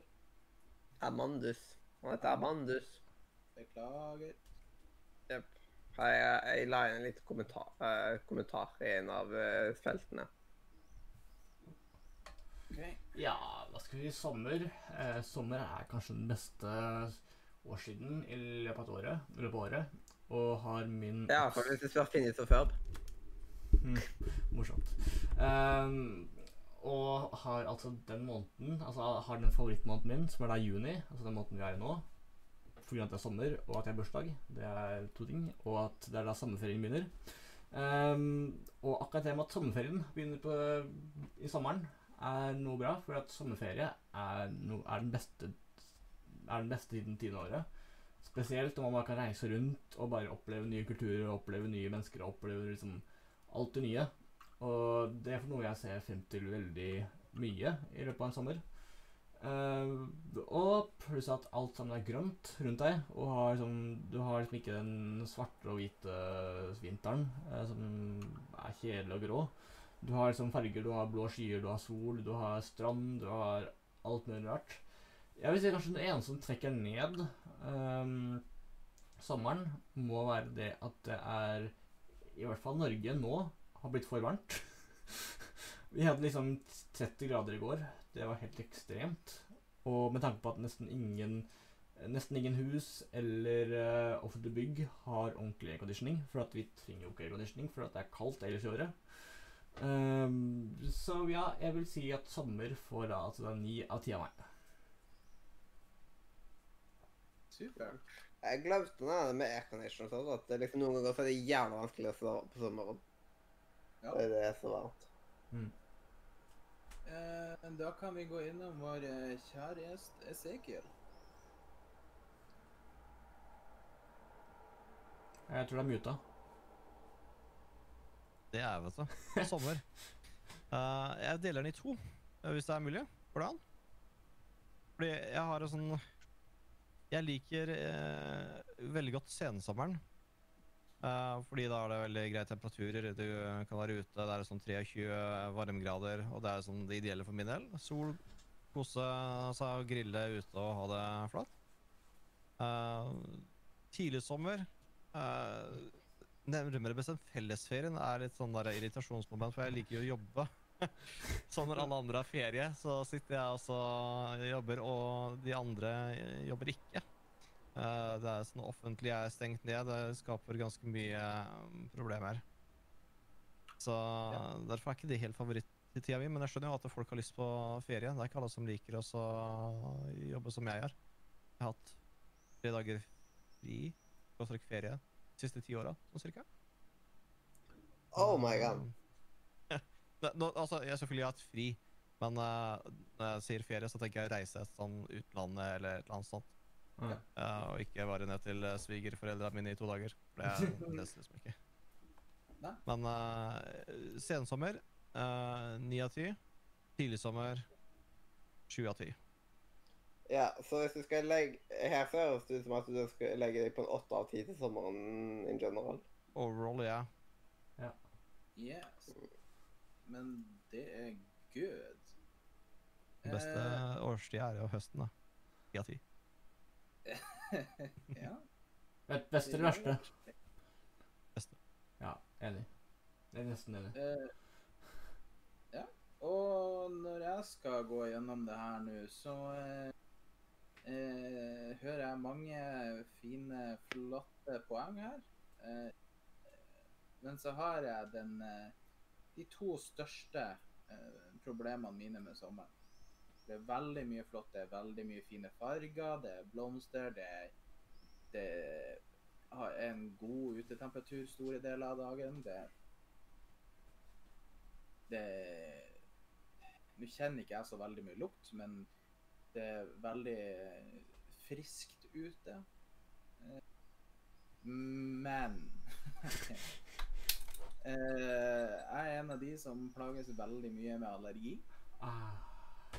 Eh, så nå i koronasesongen jeg går rundt og nyser som en annen idiot og klør i nesen og eh, kan bli rød rundt øynene og hele greia ser ut som at eh, det er så vidt jeg har overlevd eh, koronakrisa sjøl. Og så eh, eh, Og så er jeg ikke en person som liker det så veldig godt hvis innetemperaturen krysser 21 grader, eller utetemperaturen krysser 18 grader. Da begynner, da begynner jeg å plages, fordi at jeg som eh, et fysisk menneske eh, jeg genererer ufattelig mye varme. Så så gjør det veldig tungt om sommeren. Eh, så eh, jeg kan ikke eh, gi det mer enn en fem av ti, dessverre. Skulle ønske det var høyere, men eh, Dessverre så kommer det med for mange nedsider Ja. for min del. Mm. Og eh, som en avslutning på denne ukens rym, så kan vi da konstatere med at vi har fått en eh, fin score. Plasserer den eh, dessverre ikke så kjempehøyt på den lista her, for vi har ganske mange gode spillere her. Eh, men vi havna på en total score eh, på eh, syv og en kvart av ti. Oi, oi. Jepp. Og jeg ser, det, det kom seg jo heldigvis høyere opp enn covid-19. Men det kom også her opp en Oreo-kjeks. Oreo-kjeks er jeg sånn sykt glad i. ja. Mm. Uh, det kom Jeg spiller hvor mye rett under boller. Covid fikk én. Hm? Covid fikk gi den én. Ja. Nei, jeg, jeg ga den én. 1,75. Ah. Hva var det positive? Karantene fikk vel rundt fem. Eh, bare i karantene Vi jeg strekke ut hendene. Ja, 5,5. Eh, det Nå husker ikke jeg hva, som, hva, hva som var satt som eh, positivt på den. Ja. Du får gå tilbake i Du får gå tilbake til sending 176 og høre. Ja. Når vi prater om det. Stemmer nok det. Yeah. Jepp. Men Og eh, da i neste spalte du, du, du, du, du, du, Spillmøyen. min favoritt-jingle hittil. Det er bra. Da er jeg fornøyd, altså. We need to build a wall.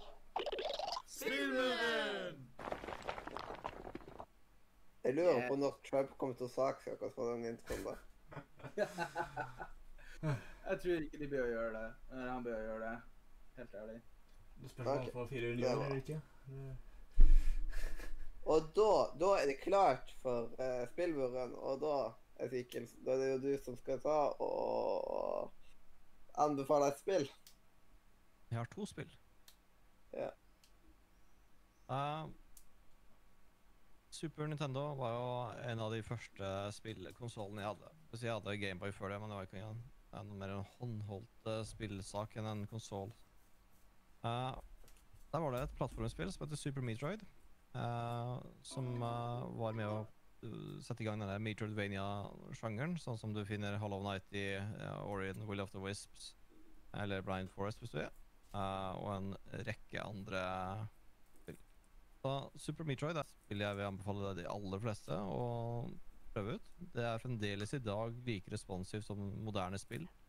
Uh, det ager veldig bra, det er vanskelig uh, og underholdende, det har en kul story. Uh, og det har en ganske god lengde på seg, så det tar en, vet ikke, en casual rundt 20 timer, kanskje? Rundt her. Ja. Mm. Um, men ja, du må jo da ha en Switch for å spille det i dag. Eventuelt emulator. Eh, hvis du da eier spillet i virkeligheten, eh, i hvert fall, kan du bruke emulator. Da er det lov. Um, men eh, hvis man ikke har da Switch, emulator og sitter på PC, som selvfølgelig er den beste plattformen å spille på, så er det et spill som heter Sword of the Stars, The Pit. Og det er det desidert vanskeligste spillet jeg noensinne har spilt. Og eh, kanskje en av de mer underholdende også. Jeg har over 150 timer i dag. Det er et fantastisk spill. Som eh, Det er et uh, rogelight uh, turn-based på en måte, eh, men det er uh, Du tar en turn, men det gjør fienden samtidig. Og du kan, det er ikke sånn at du må trykke på en knapp for å ta en turn. Du tar en turn hver gang du beveger deg på en tile. Ah, så kult. Um, så det er, ganske high action. Det, det er ikke et tregt spill. Så Så, det er ekstremt vanskelig. Du skal finne kur for en sykdom, og du må komme deg gjennom 40 floors for å finne denne kuren. Samme må få Ja. med DLC-er. Er Kan du putte de to spillanbefalingene inne på hashtag radiochat, så er det flott. Men eh, altså, det andre spillet, er det, blir det sånn Er det nesten likt som altså gameplay-messig som Ja, uh, ting som Ja, Superhot? Bare at det ikke Bare at det er 2D? Nei, nei, nei. nei, nei. Altså, det er, det er, det er 2D, men altså, det er um, at ting beveger seg samtidig som du beveger Du kan si at det er en blanding av survival og uh, altså, Du må nesten spille for det er såpass unikt gameplay, egentlig. Ja. Så du, du vil ikke Det er ikke noe å sammenligne det med. Sword of the Stars, The Pit og Super Metroid. Stilig. Men det er spesielt uh, Sword of the Stars, The Pit. Mm.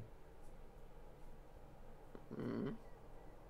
Meget flott, meget flott. Og vi takker absolutt for eh, din eh, anbefaling. Jeg har bare lyst til å lese opp Lina Lima sin uh, rom av sommer. Sommer. Gøy med bading, herlig i skyggen. Mye grilling. Dessverre blir det gjerne for varmt, og mer folk enn nødvendig på stranda. Sju av ti. Ja, som jeg kommenterte under her, jeg syns Elima har et uh, godt poeng i eh, det de sier. Mm. Det var en veldig god, veldig god og enkel røm der. Eh, Men eh, Ja. da neste spalte Jeg har ikke kontroll lenger. Eller jeg har aldri hatt kontroll. ja, nei, men det har jeg. Og eh, da går vi videre over til Nordre anbefaler. Oh yeah. Vi burde bare bytte navn til Nordre anbefaler. Og da Eh, Burde vi? og, og da er det jo Da er jo tid for å anbefale ting som ikke har med spill å gjøre.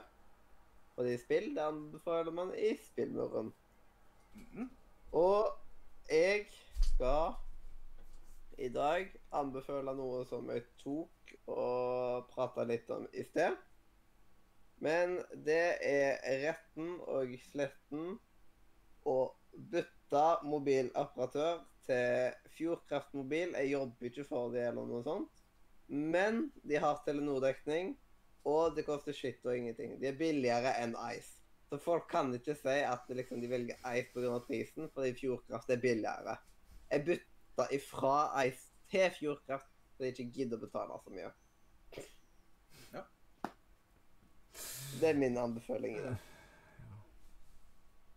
Fjordkraft, vær så snill, ta og send meg penger. Eh, sponsor, please.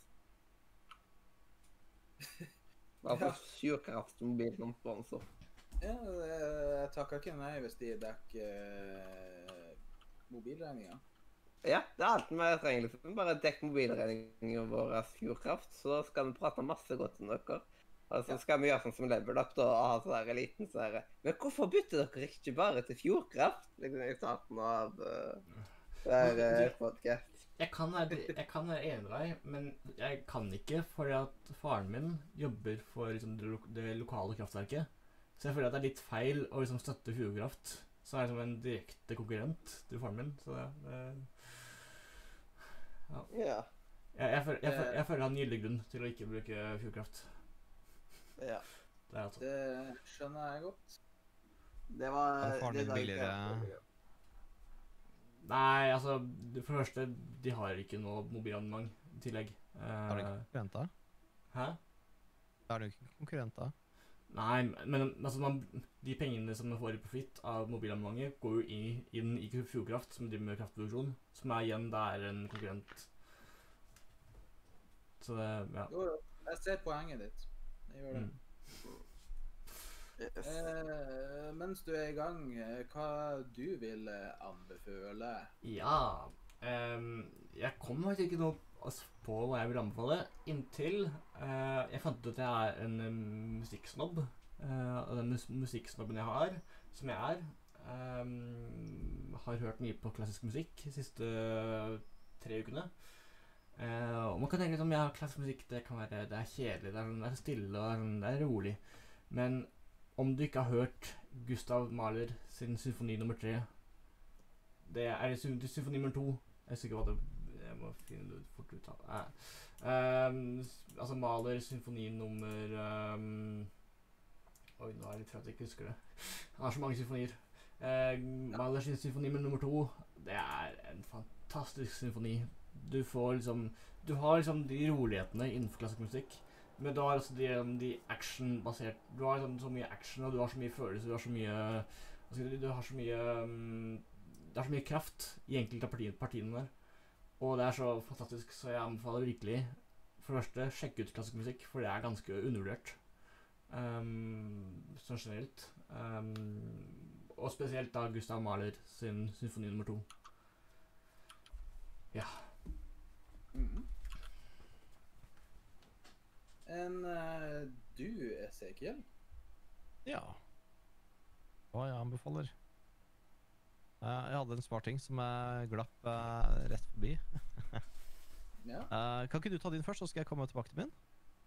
Det skal jeg gjøre. Og i starten av pandemien så Nå har jeg ikke fått kryssa ut alt, men så laga jeg meg en sånn pen lita liste her over ting jeg skulle ha i denne spalten.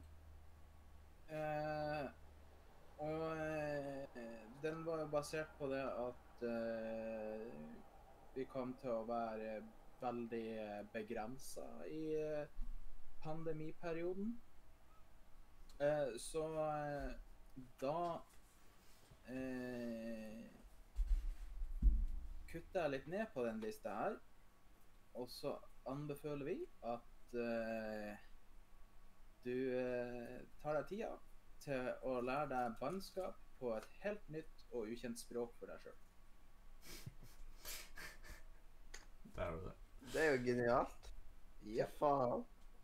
Eh, kan banne blant- på Beste italiensk. anbefalingen. på italiensk. Få høre. Eh, skal vi se Ananas. Ah, Der har du det. Der har du det. Ja. Ja, nå om faren din, så bare hvis du bare hører Ja, jeg stemmer meg selv. Så. Yes. Eh, og så bare for å gi en liten kontekst til det, så eh, kan det jo eh, være greit å, eh, å lære seg det, for spesielt i denne online-verden. Eh. Du har glemt å mute deg sjøl. Ja, Nei da. Ja. Eller han myter deg kanskje bare på OBS, og så hører vi med han. Jeg møter bare på OBS. Det kan være. Så det Ja, ok. ja, Beklager. Beklager. Uh, uh, i de her dagene hvor alt foregår online, og du sitter og spiller, om det er VR-chat, CS, hvor du har sukkerbløt hele tida, og uh, andre spill, så kan det være greit å kunne identifisere språkene deres, og hva de faktisk sier om det. Så da lærer du deg bannskap på et fremmed språk.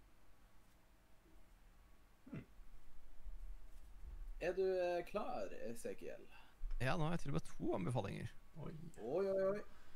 Så eh, jeg har tatt en eh, page ut av boka til eh, galingene i eh, koronakrisen, og jeg skal anbefale i dag hamstring. Okay. Um, eller egentlig ikke. Eh, men eh, meg og min kone vi har vært ganske smarte. Eh, det siste halvåret har vi planlagt mat for en hel måned. Vi har én hovedhandel som vi gjør. Så det var jo litt morsomt, da, for den dagen Norge stengte, var jo selvfølgelig vår sandedag. Ja. Så når vi gikk på butikken, så så vi ut som to hysteriske mennesker som hamstra alt vi kjøpte. Liksom da to 24 pakker med toalettpapir, sånn type ti uh, pakker med kyllingfileter osv. osv. Du, du kan tenke deg at det så ganske eh, lite intelligent ut. Men uh, grunnen til at jeg anbefaler dette her, uh, er at når du først finner ut hvor mye mat du trenger, som tar liksom en måned eller to med bare handling, så sparer du masse penger. Vårt matbudsjett er nå ned på 4300 kroner. Ned fra 7500 for en familie da med Oh. Én unge, eller to unger egentlig, og kone pluss meg. Og vi spiser ikke dårlig mat, vi spiser dritdigg mat hele tida. Vi spiser masse biff, vi spiser alltid godt med grønnsaker og i det hele tatt. Så hvis du vil spare noen tusen kroner i måneden, handle en gang i måneden. Hvis du kan. Og bare det å begynne med to ganger i måneden vil også være en veldig eh, bra matvane. Men du unngår all den småhandlinga som koster deg mange tusen kroner. Og der, «Nei, jeg skal bare på butikken og så ha en eller annen ting, og så blir det fire ting. Ja. Ja. Skjønner du. Den lille sjokoladen som kosta 14 kroner, den eh, kosta mer enn 14 kroner i det lange løpet. Den koster fort 100 eller 150. Ja. Ja, Men det jeg vil gjerne komme med eh, Jeg vil komme med en, eh, en ekstra anbefaling, da. En økonomisk anbefaling som eh, jeg rett og slett fikk av min kjørelærer. Ja. Eh, og det er rett og slett at eh, når du ser at eh, For dere som kjører bil, da. Når dere ser at uh, bensin- slash dieselprisen er lav, så følger du på uansett om du har eh, nesten full tank eller ja. ja. Du bare du følger på liksom hver gang du ser at det er liksom billigere enn så og så mye.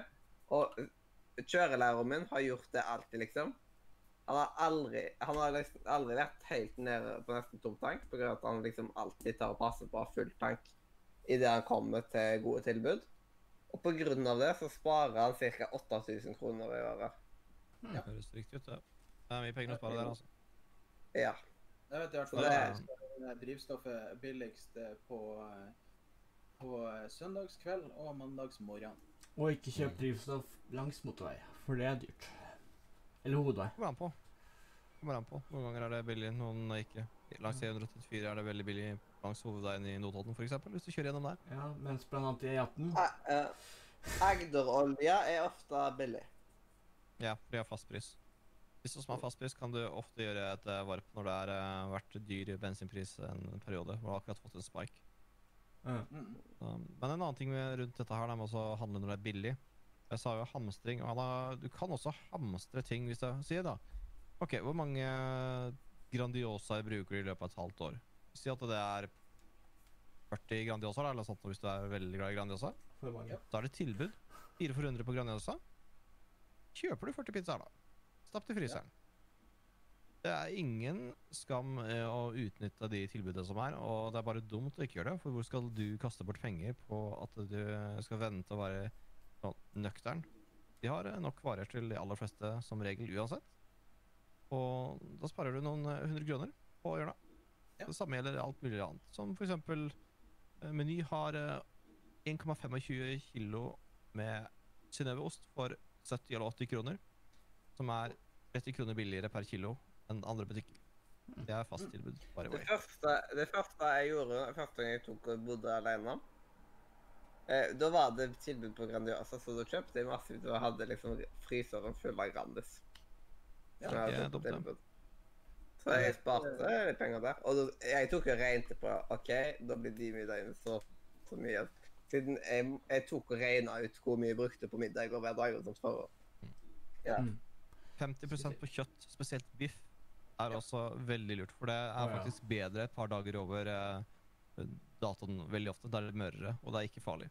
Kast i fryseren. Akkurat det, Hamstre. akkurat det så er det kjørelærer med nå. Han ble alltid skaffa skikkelig gammel, eh, litt, litt eldre kjøtt, da. Ja. På grunn av at han synes det er mørere. Det er mørere og billigere. Så lenge det ikke blir grått, så er, så er det good to eat. Ja, Så- så litt på det. Det skal lukte fis. Hæ? Enkelt og greit. Kjøtt skal lukte fis, og hvis det ikke gjør det, og det lukter surt, så er det bad. Men eh, Ja. lukter det altså fis, så er det bra. Det er innpakningsgassen som eh, lukter fis. Yes. Ja. Mm. Det er ikke noe som Ja, er det er liksom en konkretisering av de anbefalingene der. Kjøttet skal luk lukte på kjøttet. Om det lukter fis, så er det riktig. Det er liksom- Mm. Ja. Um, Elima skriver også da 'Klassisk for the win'. Hører en del på Jes Bach. Bach. Altså da Johan Sebastian Bach. Um, veldig, veldig dyktig musiker, komponist, som var veldig populær under barokken. Så har du det.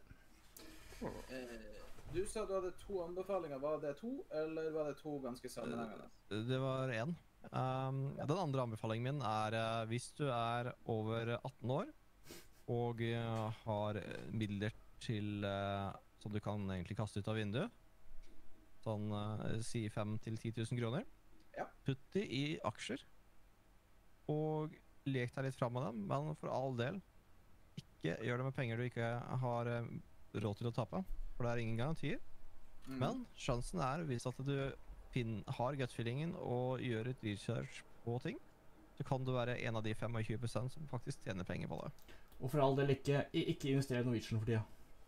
Nei, det var også en del av rådet mitt. Ikke, ikke i Norwegian, Kongsberg Automotive eller eh, Finn Film Electronics. Stay away. Apropos klassisk musikk, jeg har en soundbite for dere. Vil du ha? Yeah.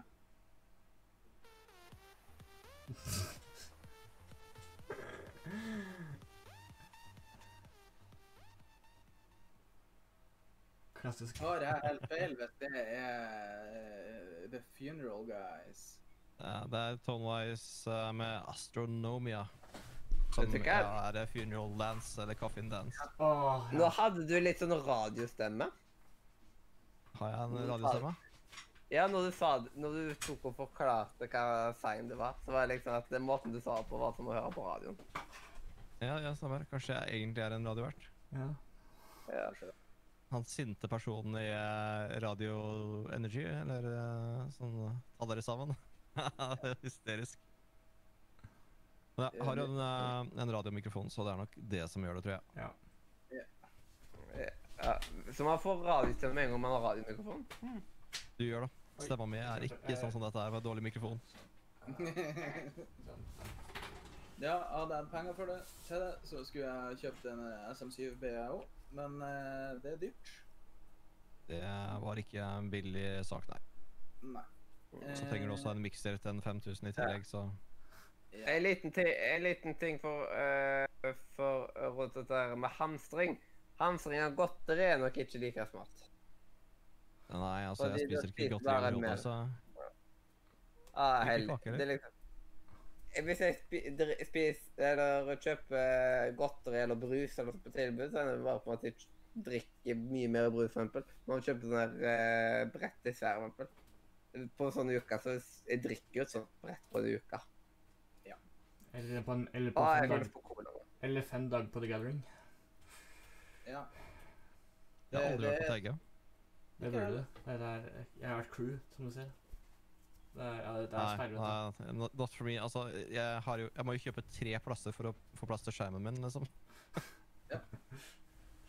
Eh, nei eh, Kult. Mm. Skal vi gå videre? Skal vi gå videre? Eh, Jau, jau. Og da er det jo sånn at uh, neste spalten som kommer nå, den er vel uh, min. Ja, da skal jeg bare lene meg tilbake og nyte ranten. Yes.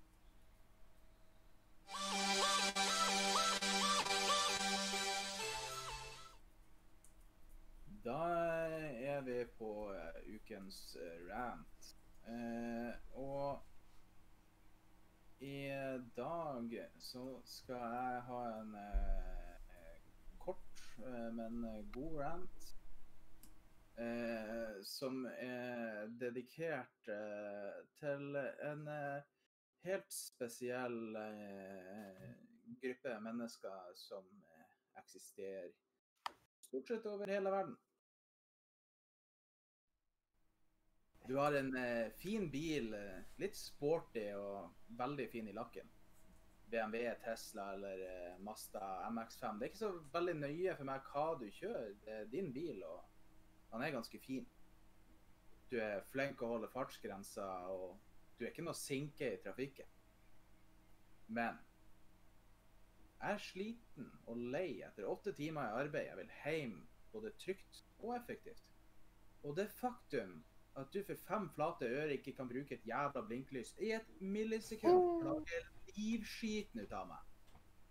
At du plutselig står på bremsa i et lyskryss fordi du ikke klarte å si fra at du skulle til venstre og ikke rett fram i lyskrysset, gjør meg så vanvittig forbanna. Det er jo grønt lys og 60 km i timen rett fram, men det er rødt lys og kø i venstrefila. Hadde du bare blenka et sekund før du skulle svinge inn, så hadde jeg ikke hatt hjertet i halsen og pengeboka var på vei ut vinduet. Fordi du verken kan beregne fart eller bruke et jævla blinklys. Jeg håper snuten tar deg for alle de fremtidige gangene du ikke blenker og gir deg ei salig bot. Jeg håper du blir hengt ut i avisen som et stygt eksempel på elendig signalisering. Kort og godt. Den var Der, der, der, der sa du Eh, Ja, det er jeg et så enig. mm. Blinker du på vei inn i rundkjøringa? Det spørs hvor, det spørs hvor du skal. Nei, alltid. Ja, men, men du skal Hvis- ikke, hvis du skal rett frem. Ikke hvis du Altså ikke hvis du skal rett frem, men uh, hvis du skal til venstre eller høyre, Ja. for guds skyld, Ja. blink. Blink. Ja. Det sparer uh, yrkessjåfører og andre mennesker for ufattelig mye frustrasjon. Vi har uh, nettopp dunge nye rundkjøringer her i Bodø. Og. Ikke blinka noen vei. Ja. Der kunne du blitt uh, veldig rik hvis du var politimann og fikk beholdt penger sjøl. Ja, det er sant. Eh, som et uh, lite eksempel som er inspirasjon til ranten, som jeg ser jeg har feil navn på tekstfila. Det står RANT, ikke RANT. Eh, er den nærmeste rundkjøringa fra fra her og til sentrum er ei ganske lita rundkjøring. Og eh, det er to av tre utkjøringer er ganske aktive. Eh, stort sett eh, hele dagen. Eh, og det er Hvis det er noen som skal eh, ifra sentrum og opp til det området som, eh, der jeg bor, som er de to aktive eh, punktene på veien, skal ifra det området jeg bor, og skal ned på butikken, som er den tredje avkjørselen, nummer to hvis du kommer fra byen, og ikke blinka til venstre, men du skal dit, så går de aller fleste ut ifra at du ikke har fått med deg at det nettopp er blitt rundkjøring, og at du skal rett til sentrum. Og da er det fort at du får en bil i sida. Ja. Nei, men så jeg tenker liksom, Som en nybegynner selv som kjører bil, så tenker jeg, så er jeg veldig sånn frustrert over når, liksom, når, gam, når gamlisa ikke klarer å blinke Blinke rundkjøringer. Eller blinke generelt. Det er ikke de gamle som er problemet med dette her. Det er eh, unge, utålmodige snørrunger som Ja, men jeg at kjører fram i trafikken og ikke eier noe som helst oversikt over eh, trafikkbildet. Og ser på telefonen sin mens de snapper på Snapchat og lager en TikTok-video fordi at de skal få views. Men jeg vet ikke hvor mange ganger jeg har hørt besteforeldrene mine og diskuterer når jeg er på en kjører, og kjører, så diskuterer de hele tiden sånn 'Ja, du skal blinke nå.' 'Nei, jeg skal ikke det.' Så ja, Det sier mer om besteforeldra dine, tror jeg, enn ja de, krangler, de, de krangler mye. Det skal sies.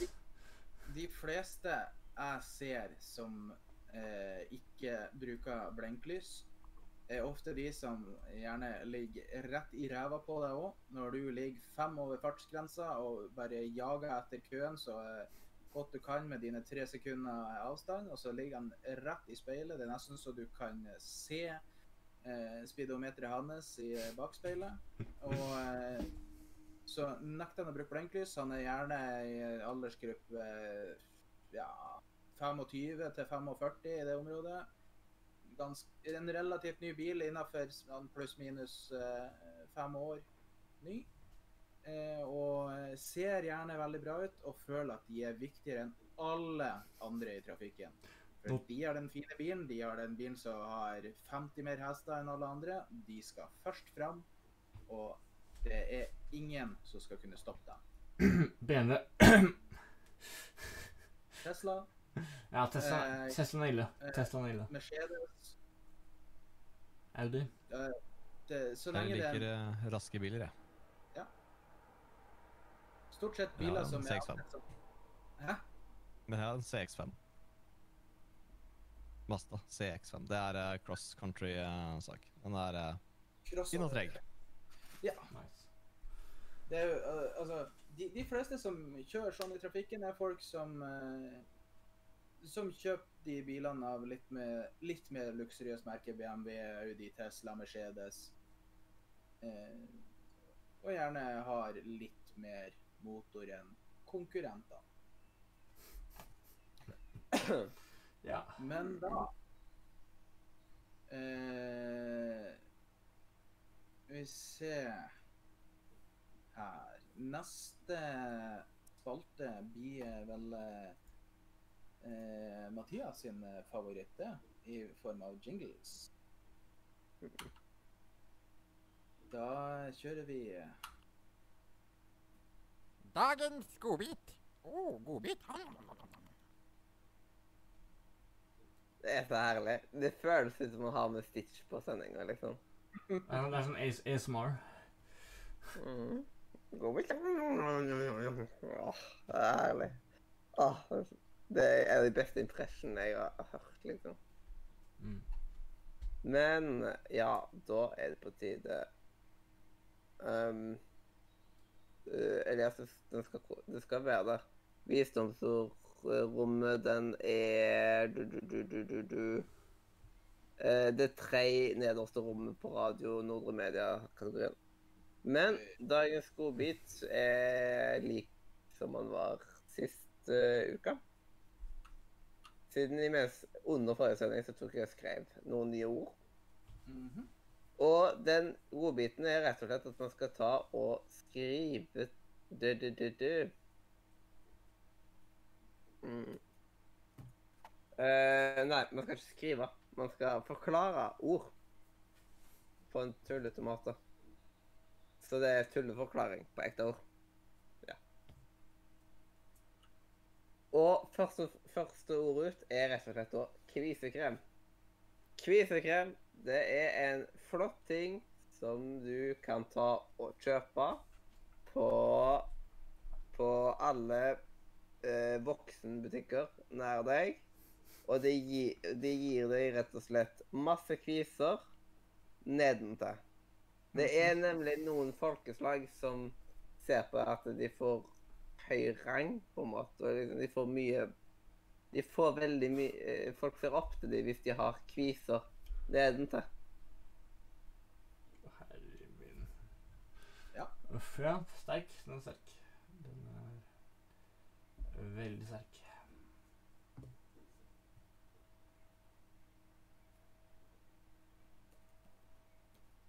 Uh, og da eh, eh, hva- Hvordan fortsetter vi nå? Jeg har ikke vært med på den her. Ja, da kan eh, Amanda fortsette på, eh, på, Så har, da tar han det samme ordet, men han har kommet med en ny forklaring på det. Ja. Jeg vil anta at det samme folket eh, som Mat- Mathias refererer til, også er veldig fascinert av kviser generelt. Så kvisekrem er egentlig en sånn Altså, eh, når de skal ha feilbursdager, og man skal liksom lage krem til ka- kakene, så tar de som en krem av kviser, og så spiser de da. Det er um, Ja. Det høres ganske ek- ekkelt ut, men jeg tror også det er generelt det folket som liker Altså, Kvisekrem er noe man kan ha på kaka, ja, ja, det er bare krem av kviser. Det er- Ja, det høres ekkelt ut, men eh, jeg tror Jeg tror generelt liksom det, folk, det folket også er ganske ekle. sånn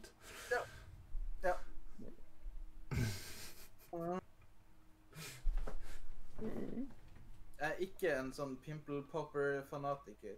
Åh. Nei, ikke jeg. altså. Uff. Ja. Nå er det sånn eh, Esekiel, skal du gi de forklaring på hva kvisekrem er? Altså, jeg vil jo si at dette her er en krem for folk med ekstremt tørr hud. For vi vet at det, når du har kviser, så får du ganske feit hud. Så da kan du så bare smøre kvisen din litt utover hvis det blir for tørr på huden. Ja, egentlig bare en veldig bra fuktighetskrem som gjør det er skikkelig fet hud hvis du har store problemer med sprukken tørr hud. Ja. ja, ja. Jeg kjenner, jeg kjenner noen som har problemer problem med tørre lepper.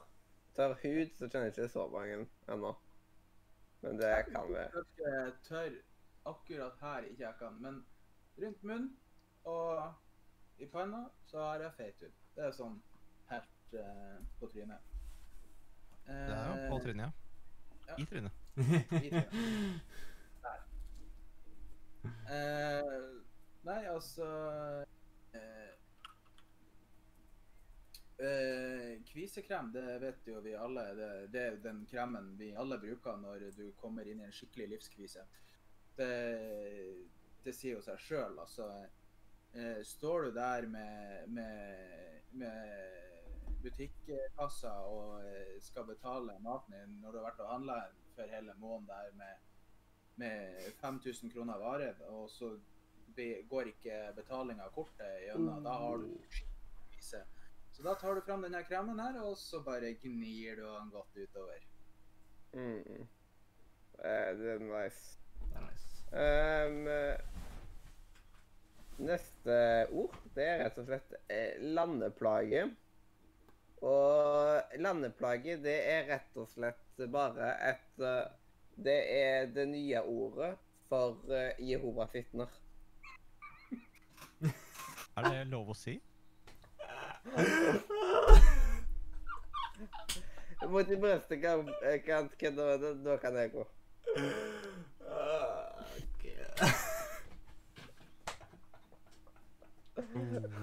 Ouch.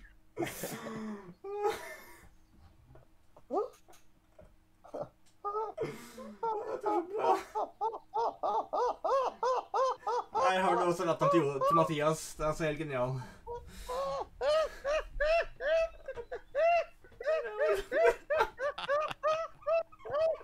Åh.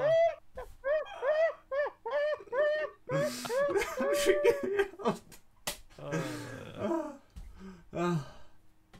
Da Ja. må vi puste litt. Grann. Uh, pust ut.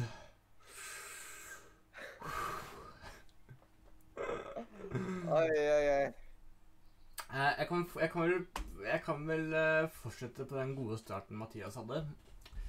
Um, se for dere denne, dette her. Du skal, du skal lande et fly. Enten det er i virkeligheten eller en simulator. Og så har du en irriterende person bak deg som er den derre du, må, du må ta og eh, ta stikke litt oppover, slik at du skal fly litt oppover. Altså, bare, bare sånn her bare, bare, er baksetepilot. Og bare er så irriterende. Det altså. Og det er sånn her, altså Og det skjer akkurat når du skal til å lande. Slik at liksom, du, du, du får liksom aldri den gode landingen du ønsker. da. Det er en landeplage. Du, jeg hadde kasta jeg en person ut av vinduet. liksom. Så, så det du sier at det, det som er eneste som er verre enn en backseat gamer, er egentlig en backseat pilot? Ja. Det er eh, det verste. Det er, det er en landeplage. Det er en backseat pilot. Ja. Ja, Backstreet Driver er sykt irriterende nå. Ja. Ja. Det til kona mi. ja. Eh, mamma var òg det når, eh, når jeg begynte sjøl. Eh, ikke så mye nå lenger. Men eh, det har litt med å gjøre at jeg har lappen sjøl. Det er ikke hodet går ut Jepp. Jepp. Så hvem vil fortsette på landeplaget? Det blir vel Esekiel som skal fortelle oss hva en landeplage egentlig er. Så det som egentlig er en landeplage, er jo et uh, problem vi har i samfunnet, og som egentlig har vært et sånt tema for diskusjon i alle år. Uh, vi blir ikke kvitt det. Det går igjen gang på gang. Og uansett hvor mye du prøver å kvitte deg med dette problemet, eller informere folk, uh, lære dem om respekt for uh, kultur og andre ting, så nytter det ikke. Du har fremdeles de som liker ananas på pizza. Ja.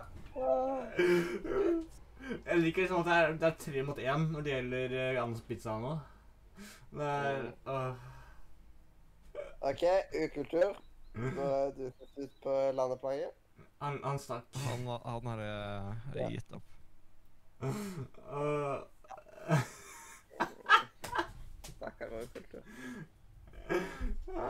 For de som ikke ser eh, kameraet akkurat nå, eh, Ukultur eller Elias eh, gikk akkurat ut i sidene og er nå tilbake. Så jeg skjønner jo hvorfor han heter ukultur. oh! Ja. Men ukultur, vil du avslutte plage. Ja, eh, altså vi, jeg, jeg ser jo det at eh, jeg ser, eh, Nei, jeg ser ikke hva jeg sier for noe. At eh, Nilus, eller Amandus var det kanskje, eh, som eh, var inne på noe her. altså En landeplage er jo eh, helt klart en fin eh, beskrivelse av eh, måse på rullebanen. Du får jo ikke lov til å lande et fly hvis det er fullt av fugler på rullebanen. Åh, Da har du en skikkelig landeplage. Det, det er irriterende. Det er veldig irriterende. Ja. Det er. Kort og godt. Verst er at simulatoren jeg driver kjører på, har faktisk de, det, det simulerer faktisk fuglebevegelser. Det er ganske sjukt. Eh, så ja, jeg har opplevd at vi måtte, ja, at vi måtte um, gå rundt. Fordi at vi måtte Mm. var full. Kan du ikke bare ta en hagle ut av ruta på flyet og så skyte litt i været? Da, da tror jeg enten at Norwegian eller SAS Da tror jeg, da tror jeg heller at vi har noe problem med hva SAS eller Norwegian har noe å si. Jeg tror det. De får en kurs uansett, så det går fint. Du har ikke saksøkt deg anyways. Skal opp om seks og en halv time. Det er vel det søksmålet som, eh, som eh, redda Norwegian. Ah, hva var det som gikk? på? ja, det var eh, mine fine greier. Jeg, jeg, jeg, jeg bare sier ripp til meg sjøl pga. at jeg skal opp om seks og en halv time. Det går fint. Ja. Neste ord. Jepp. Eh, det annet siste ordet, det er T-skjorta. Og T-skjorta, det er jo den spes... Det er selvsagt, som du hører, det er en skjorte du har på deg når du drikker te. Så er det eh, eh, Som at folk liksom ser at den personen den, eh, den drikker te. Det er en veldig sofistikert person, og mest sannsynlig en britisk person. Det er bare for å informere at du drikker te. Ja. Liksom, akkurat i det tidspunktet så har du te i koppen. Ifølge mitt uh, Ifølge min ordbok, eller mitt leksikon, er det kanskje bedre å si, uh, så er altså da en T-skjorte er egentlig bare en en uh, skjorte som er eid av T-Series, der hvor det bare står en stor T. Så enkelt greit. Det er egentlig bare en skjorte som står T. Som det står en stor, en stor bokstav T. Og så er det eid av T-Series. Mm. Altså, Dere har jo misforstått hele konseptet. En T-skjorte er en stor T-bag som er kutta hull til både armer og hode i. Og du trer den nedover deg, har du en T-skjorte. Rett og slett en skjorte lagd av en T-pose. T-skjorte. Det er jo helt tydelig at her må man eh, inn med litt eh, litt eh, kunnskap til folket. For det er jo ikke en statshemmelighet akkurat at T-skjorte er jo egentlig bare et annet ord for en tepose. Det er jo skjorta til teen. Altså, du kan ikke ha naken te. Det er jo rett og slett bare ugreit. Det er den vanlige teen. Den er jo naken. Ja. De vanlige menneskene er også naken, men uh, du ser nå, vi sitter nå alle her med klær på. Ja, litt overraskende, egentlig. Ja. Det var, det var en dør jeg tok og banka på, som det var en som hadde som nesten ikke hadde på seg klær. Og så vurderte jeg liksom Robin der. Ja, men vi er jo alle født nakne, men jeg vil ikke bli flotte, så jeg gidder ikke. Ja. Nei, altså, hadde jeg Og ikke offentlig, så hadde jeg sittet i bare overkropp. Jepp. Og det siste året, det er rett og slett landkrabbe. Og eh, landkrabbe, det er rett og, rett og slett Hvis det er noen som tar og krabber på land, eh, spesielt om hvis de skal ta og forme noe i sement eh, For å få liksom litt sånne utforminger og sånt. Så krabber du og sånt. Og da er du da en landkrabbe. Mm. Sementkunstner. Yes. Mm. Jeg føler at jeg er ganske inn i flyverdenen akkurat nå. Eh, så en landkrabbe det er mye Det ligner ganske mye på definisjonen som eh, Elias hadde på en eh, land, landeplage. Eh, men en land, landkrabbe er egentlig en, en, eh, en, liksom en mer fordypning innad i, land, i eh, landeplaga. For at en landkrabbe er egentlig Du vet, det finnes jo mange Det finnes veldig mange flyplasser som er ganske nærme stranden, stranden i verden. Så en landkrabbe er egentlig bare en, eh, en krabbe som har liksom, eh, klart krabbe, krabbe seg inn i uh, flyplassområdet og inn på rullebanen, slik at du ikke kan da lande. Det er altså en land, landkrabbe.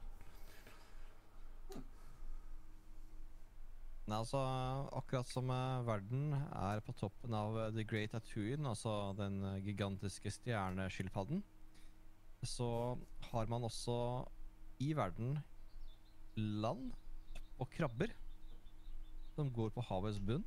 Det er da landkrabber.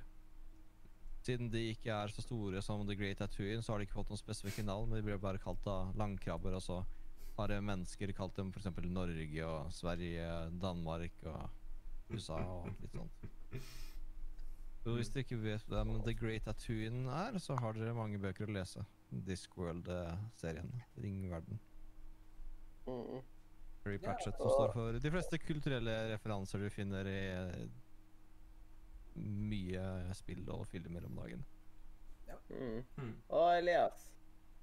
Ja, altså landkrabbe Det er jo egentlig eh, en eh, forkortelse eh, i seg sjøl. Det eh, stammer jo ifra Ifra en veldig slørvete Hva det heter det har gått over tid, så det har blitt eh, dratt ut og endra på. Og, eh, så det har egentlig vært eh, eh, for langskjellskrabbe. Altså L-A-N-G og skjell, eh, som i, indikerer det at det her er jo egentlig ei krabbe som er ekstra brei i, i eh, selve skallet i forhold til eh, de vanlige, mer runde krabben som vi finner ellers. Mm. Nice. Det Ja, landkrabbe der, altså. Mm. Det er så gøy å høre på forklaringene i dette. Mm. Greit, da skal vi komme oss videre. Jepp. Og da er, har vi jo en egen jingle til den siste delen. Det har vi. Jau, jau, jau. Eh, og til siste delen her nå, så eh, eh, skal vi inn i et univers som eh, har en veldig fin historie. Eh, men vi tar oss bare en liten smakebit derifra. Eh, og her kommer Kids, I'm gonna tell you an Det er feil incredible story. Nei! The story Hello. of how I met your. Det er jinglen til podcast. Ja, selvfølgelig. Fordi Som alle bør sjekke ut, by the way. Som jeg går opp en dag eh, hver uke. ja, fordi at jeg selvfølgelig klarer å ta feil igjen av de to. Men da kommer den her, da.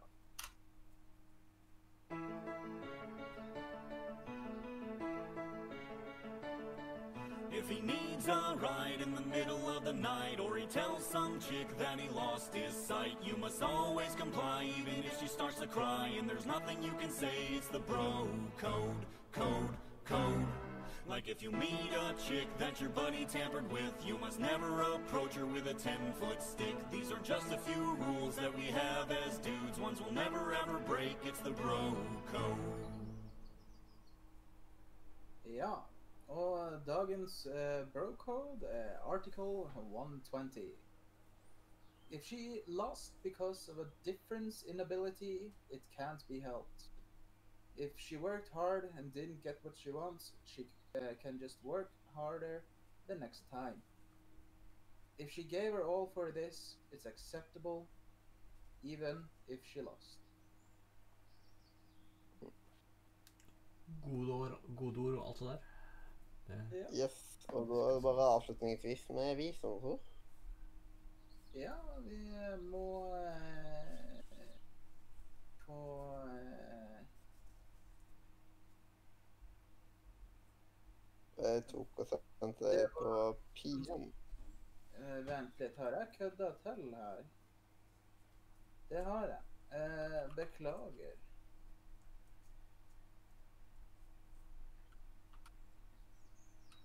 Bare sjekk i PM. Eh, ja, eh, fordi at jeg har eh, vel lest eh, visdomsordet først, ser jeg. Det var jo Det var jo Ja. men da sier du brocoden nå, så Da kommer jo da eh, brocode article 120. A bro always calls another bro by his last name. Ja, det høres mer som en brocode. Yes. Jeg synes den var veldig fint, men bare, bare at jeg kan jo ikke hele brocode ennå. Ja, altså Så. Da eh, vet vi det at eh, etternavn er hemmeligheten bak å snakke med bros. din bro. Jeg har aldri hørt at det barnet har snakket til Ted, som er liksom bare sier Mosby. Liksom, eller, ja. Vent, kom, kommer brocode fra How I Met Mother? Ja. Hva? ja. Å, shit. Det må jeg Ja.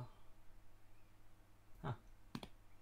Nice. Det er en egen bok, faktisk. Love the brocode-tema. Jeg klarte faktisk to fuckups på en denne gang der. og- Jeg har, jeg har eh, det fysiske eh, brocode og fysiske playbook. nice. Men ja, skal vi Men eh, da kan vi vel ta og avrunde her. Ja. Eh, jeg vil Ja. gjerne si eh, takk til Esekiel som eh, var med oss i dag. Mm. Det var Ja. er hyggelig. Det var eh, kjekt. Jepp. Og kanskje du plutselig dukker opp i en sending senere i framtida. Ja. Ja. Men det er bare å si ifra hvis jeg kan eh, bringe noe interessant. Ja. ja. Siden det, er- det er gjester som kommer tilbake. Vi har ikke i fokus på nytt igjen da, liksom, men da er jeg bare med på liksom, flyten og bare ja. Ha Mm. litt anbefalinger med seg på lur og liksom. Ja, bare. Bare er med i praten, rett og slett. det av det. Eh, da hørtes det jo nesten ut som vi kanskje lukta på eh, potensielt en eh, eh, Faen! Jeg stopper opp. Ja. Yep, Men uh, ja. Reveal eh, Engine 5-reveal når den tida kommer. Ah, kanskje det. Ja, Og, ja. Vi får uh, se. Det er uh, mange prosjekter og- og- og- prosjekter Eh, å Mm. ta. Og dere har hørt på oss live på Spotify Nei, på Spotify. Vi har gått litt live, da. Ja, Dere hørte på oss live på Twitch eller i opptak på YouTube, Spotify, iTunes, Soundcloud, din favorittpodkast og rapp, eller et annet sted som jeg eksisterer, som vi ikke har funnet ut av ennå. Pornhub. Jeg kommer der. Hvis noen vil lese oss opp på Pornhub, så har dere helt klart til det. Ja, det er Ledvig Skakke eller episode liksom kommet over det. Det, det er liksom Det er nok bare din eh, Pornhub-konto som blir sletta, ikke min. Så det, det går fint. Jeg har ikke konto uansett, så Jeg gidder ikke å lage heller. Men Ja, tusen takk uansett hvor du hørte på. Og så får vi bare å høre neste uke, når vi har en sending nummer 191. Fytti grisen. Vi er snart på fuckings 200, folkens. Ja. Det er close. Fytti grisen. Og da kan vi vel bare si hjertelig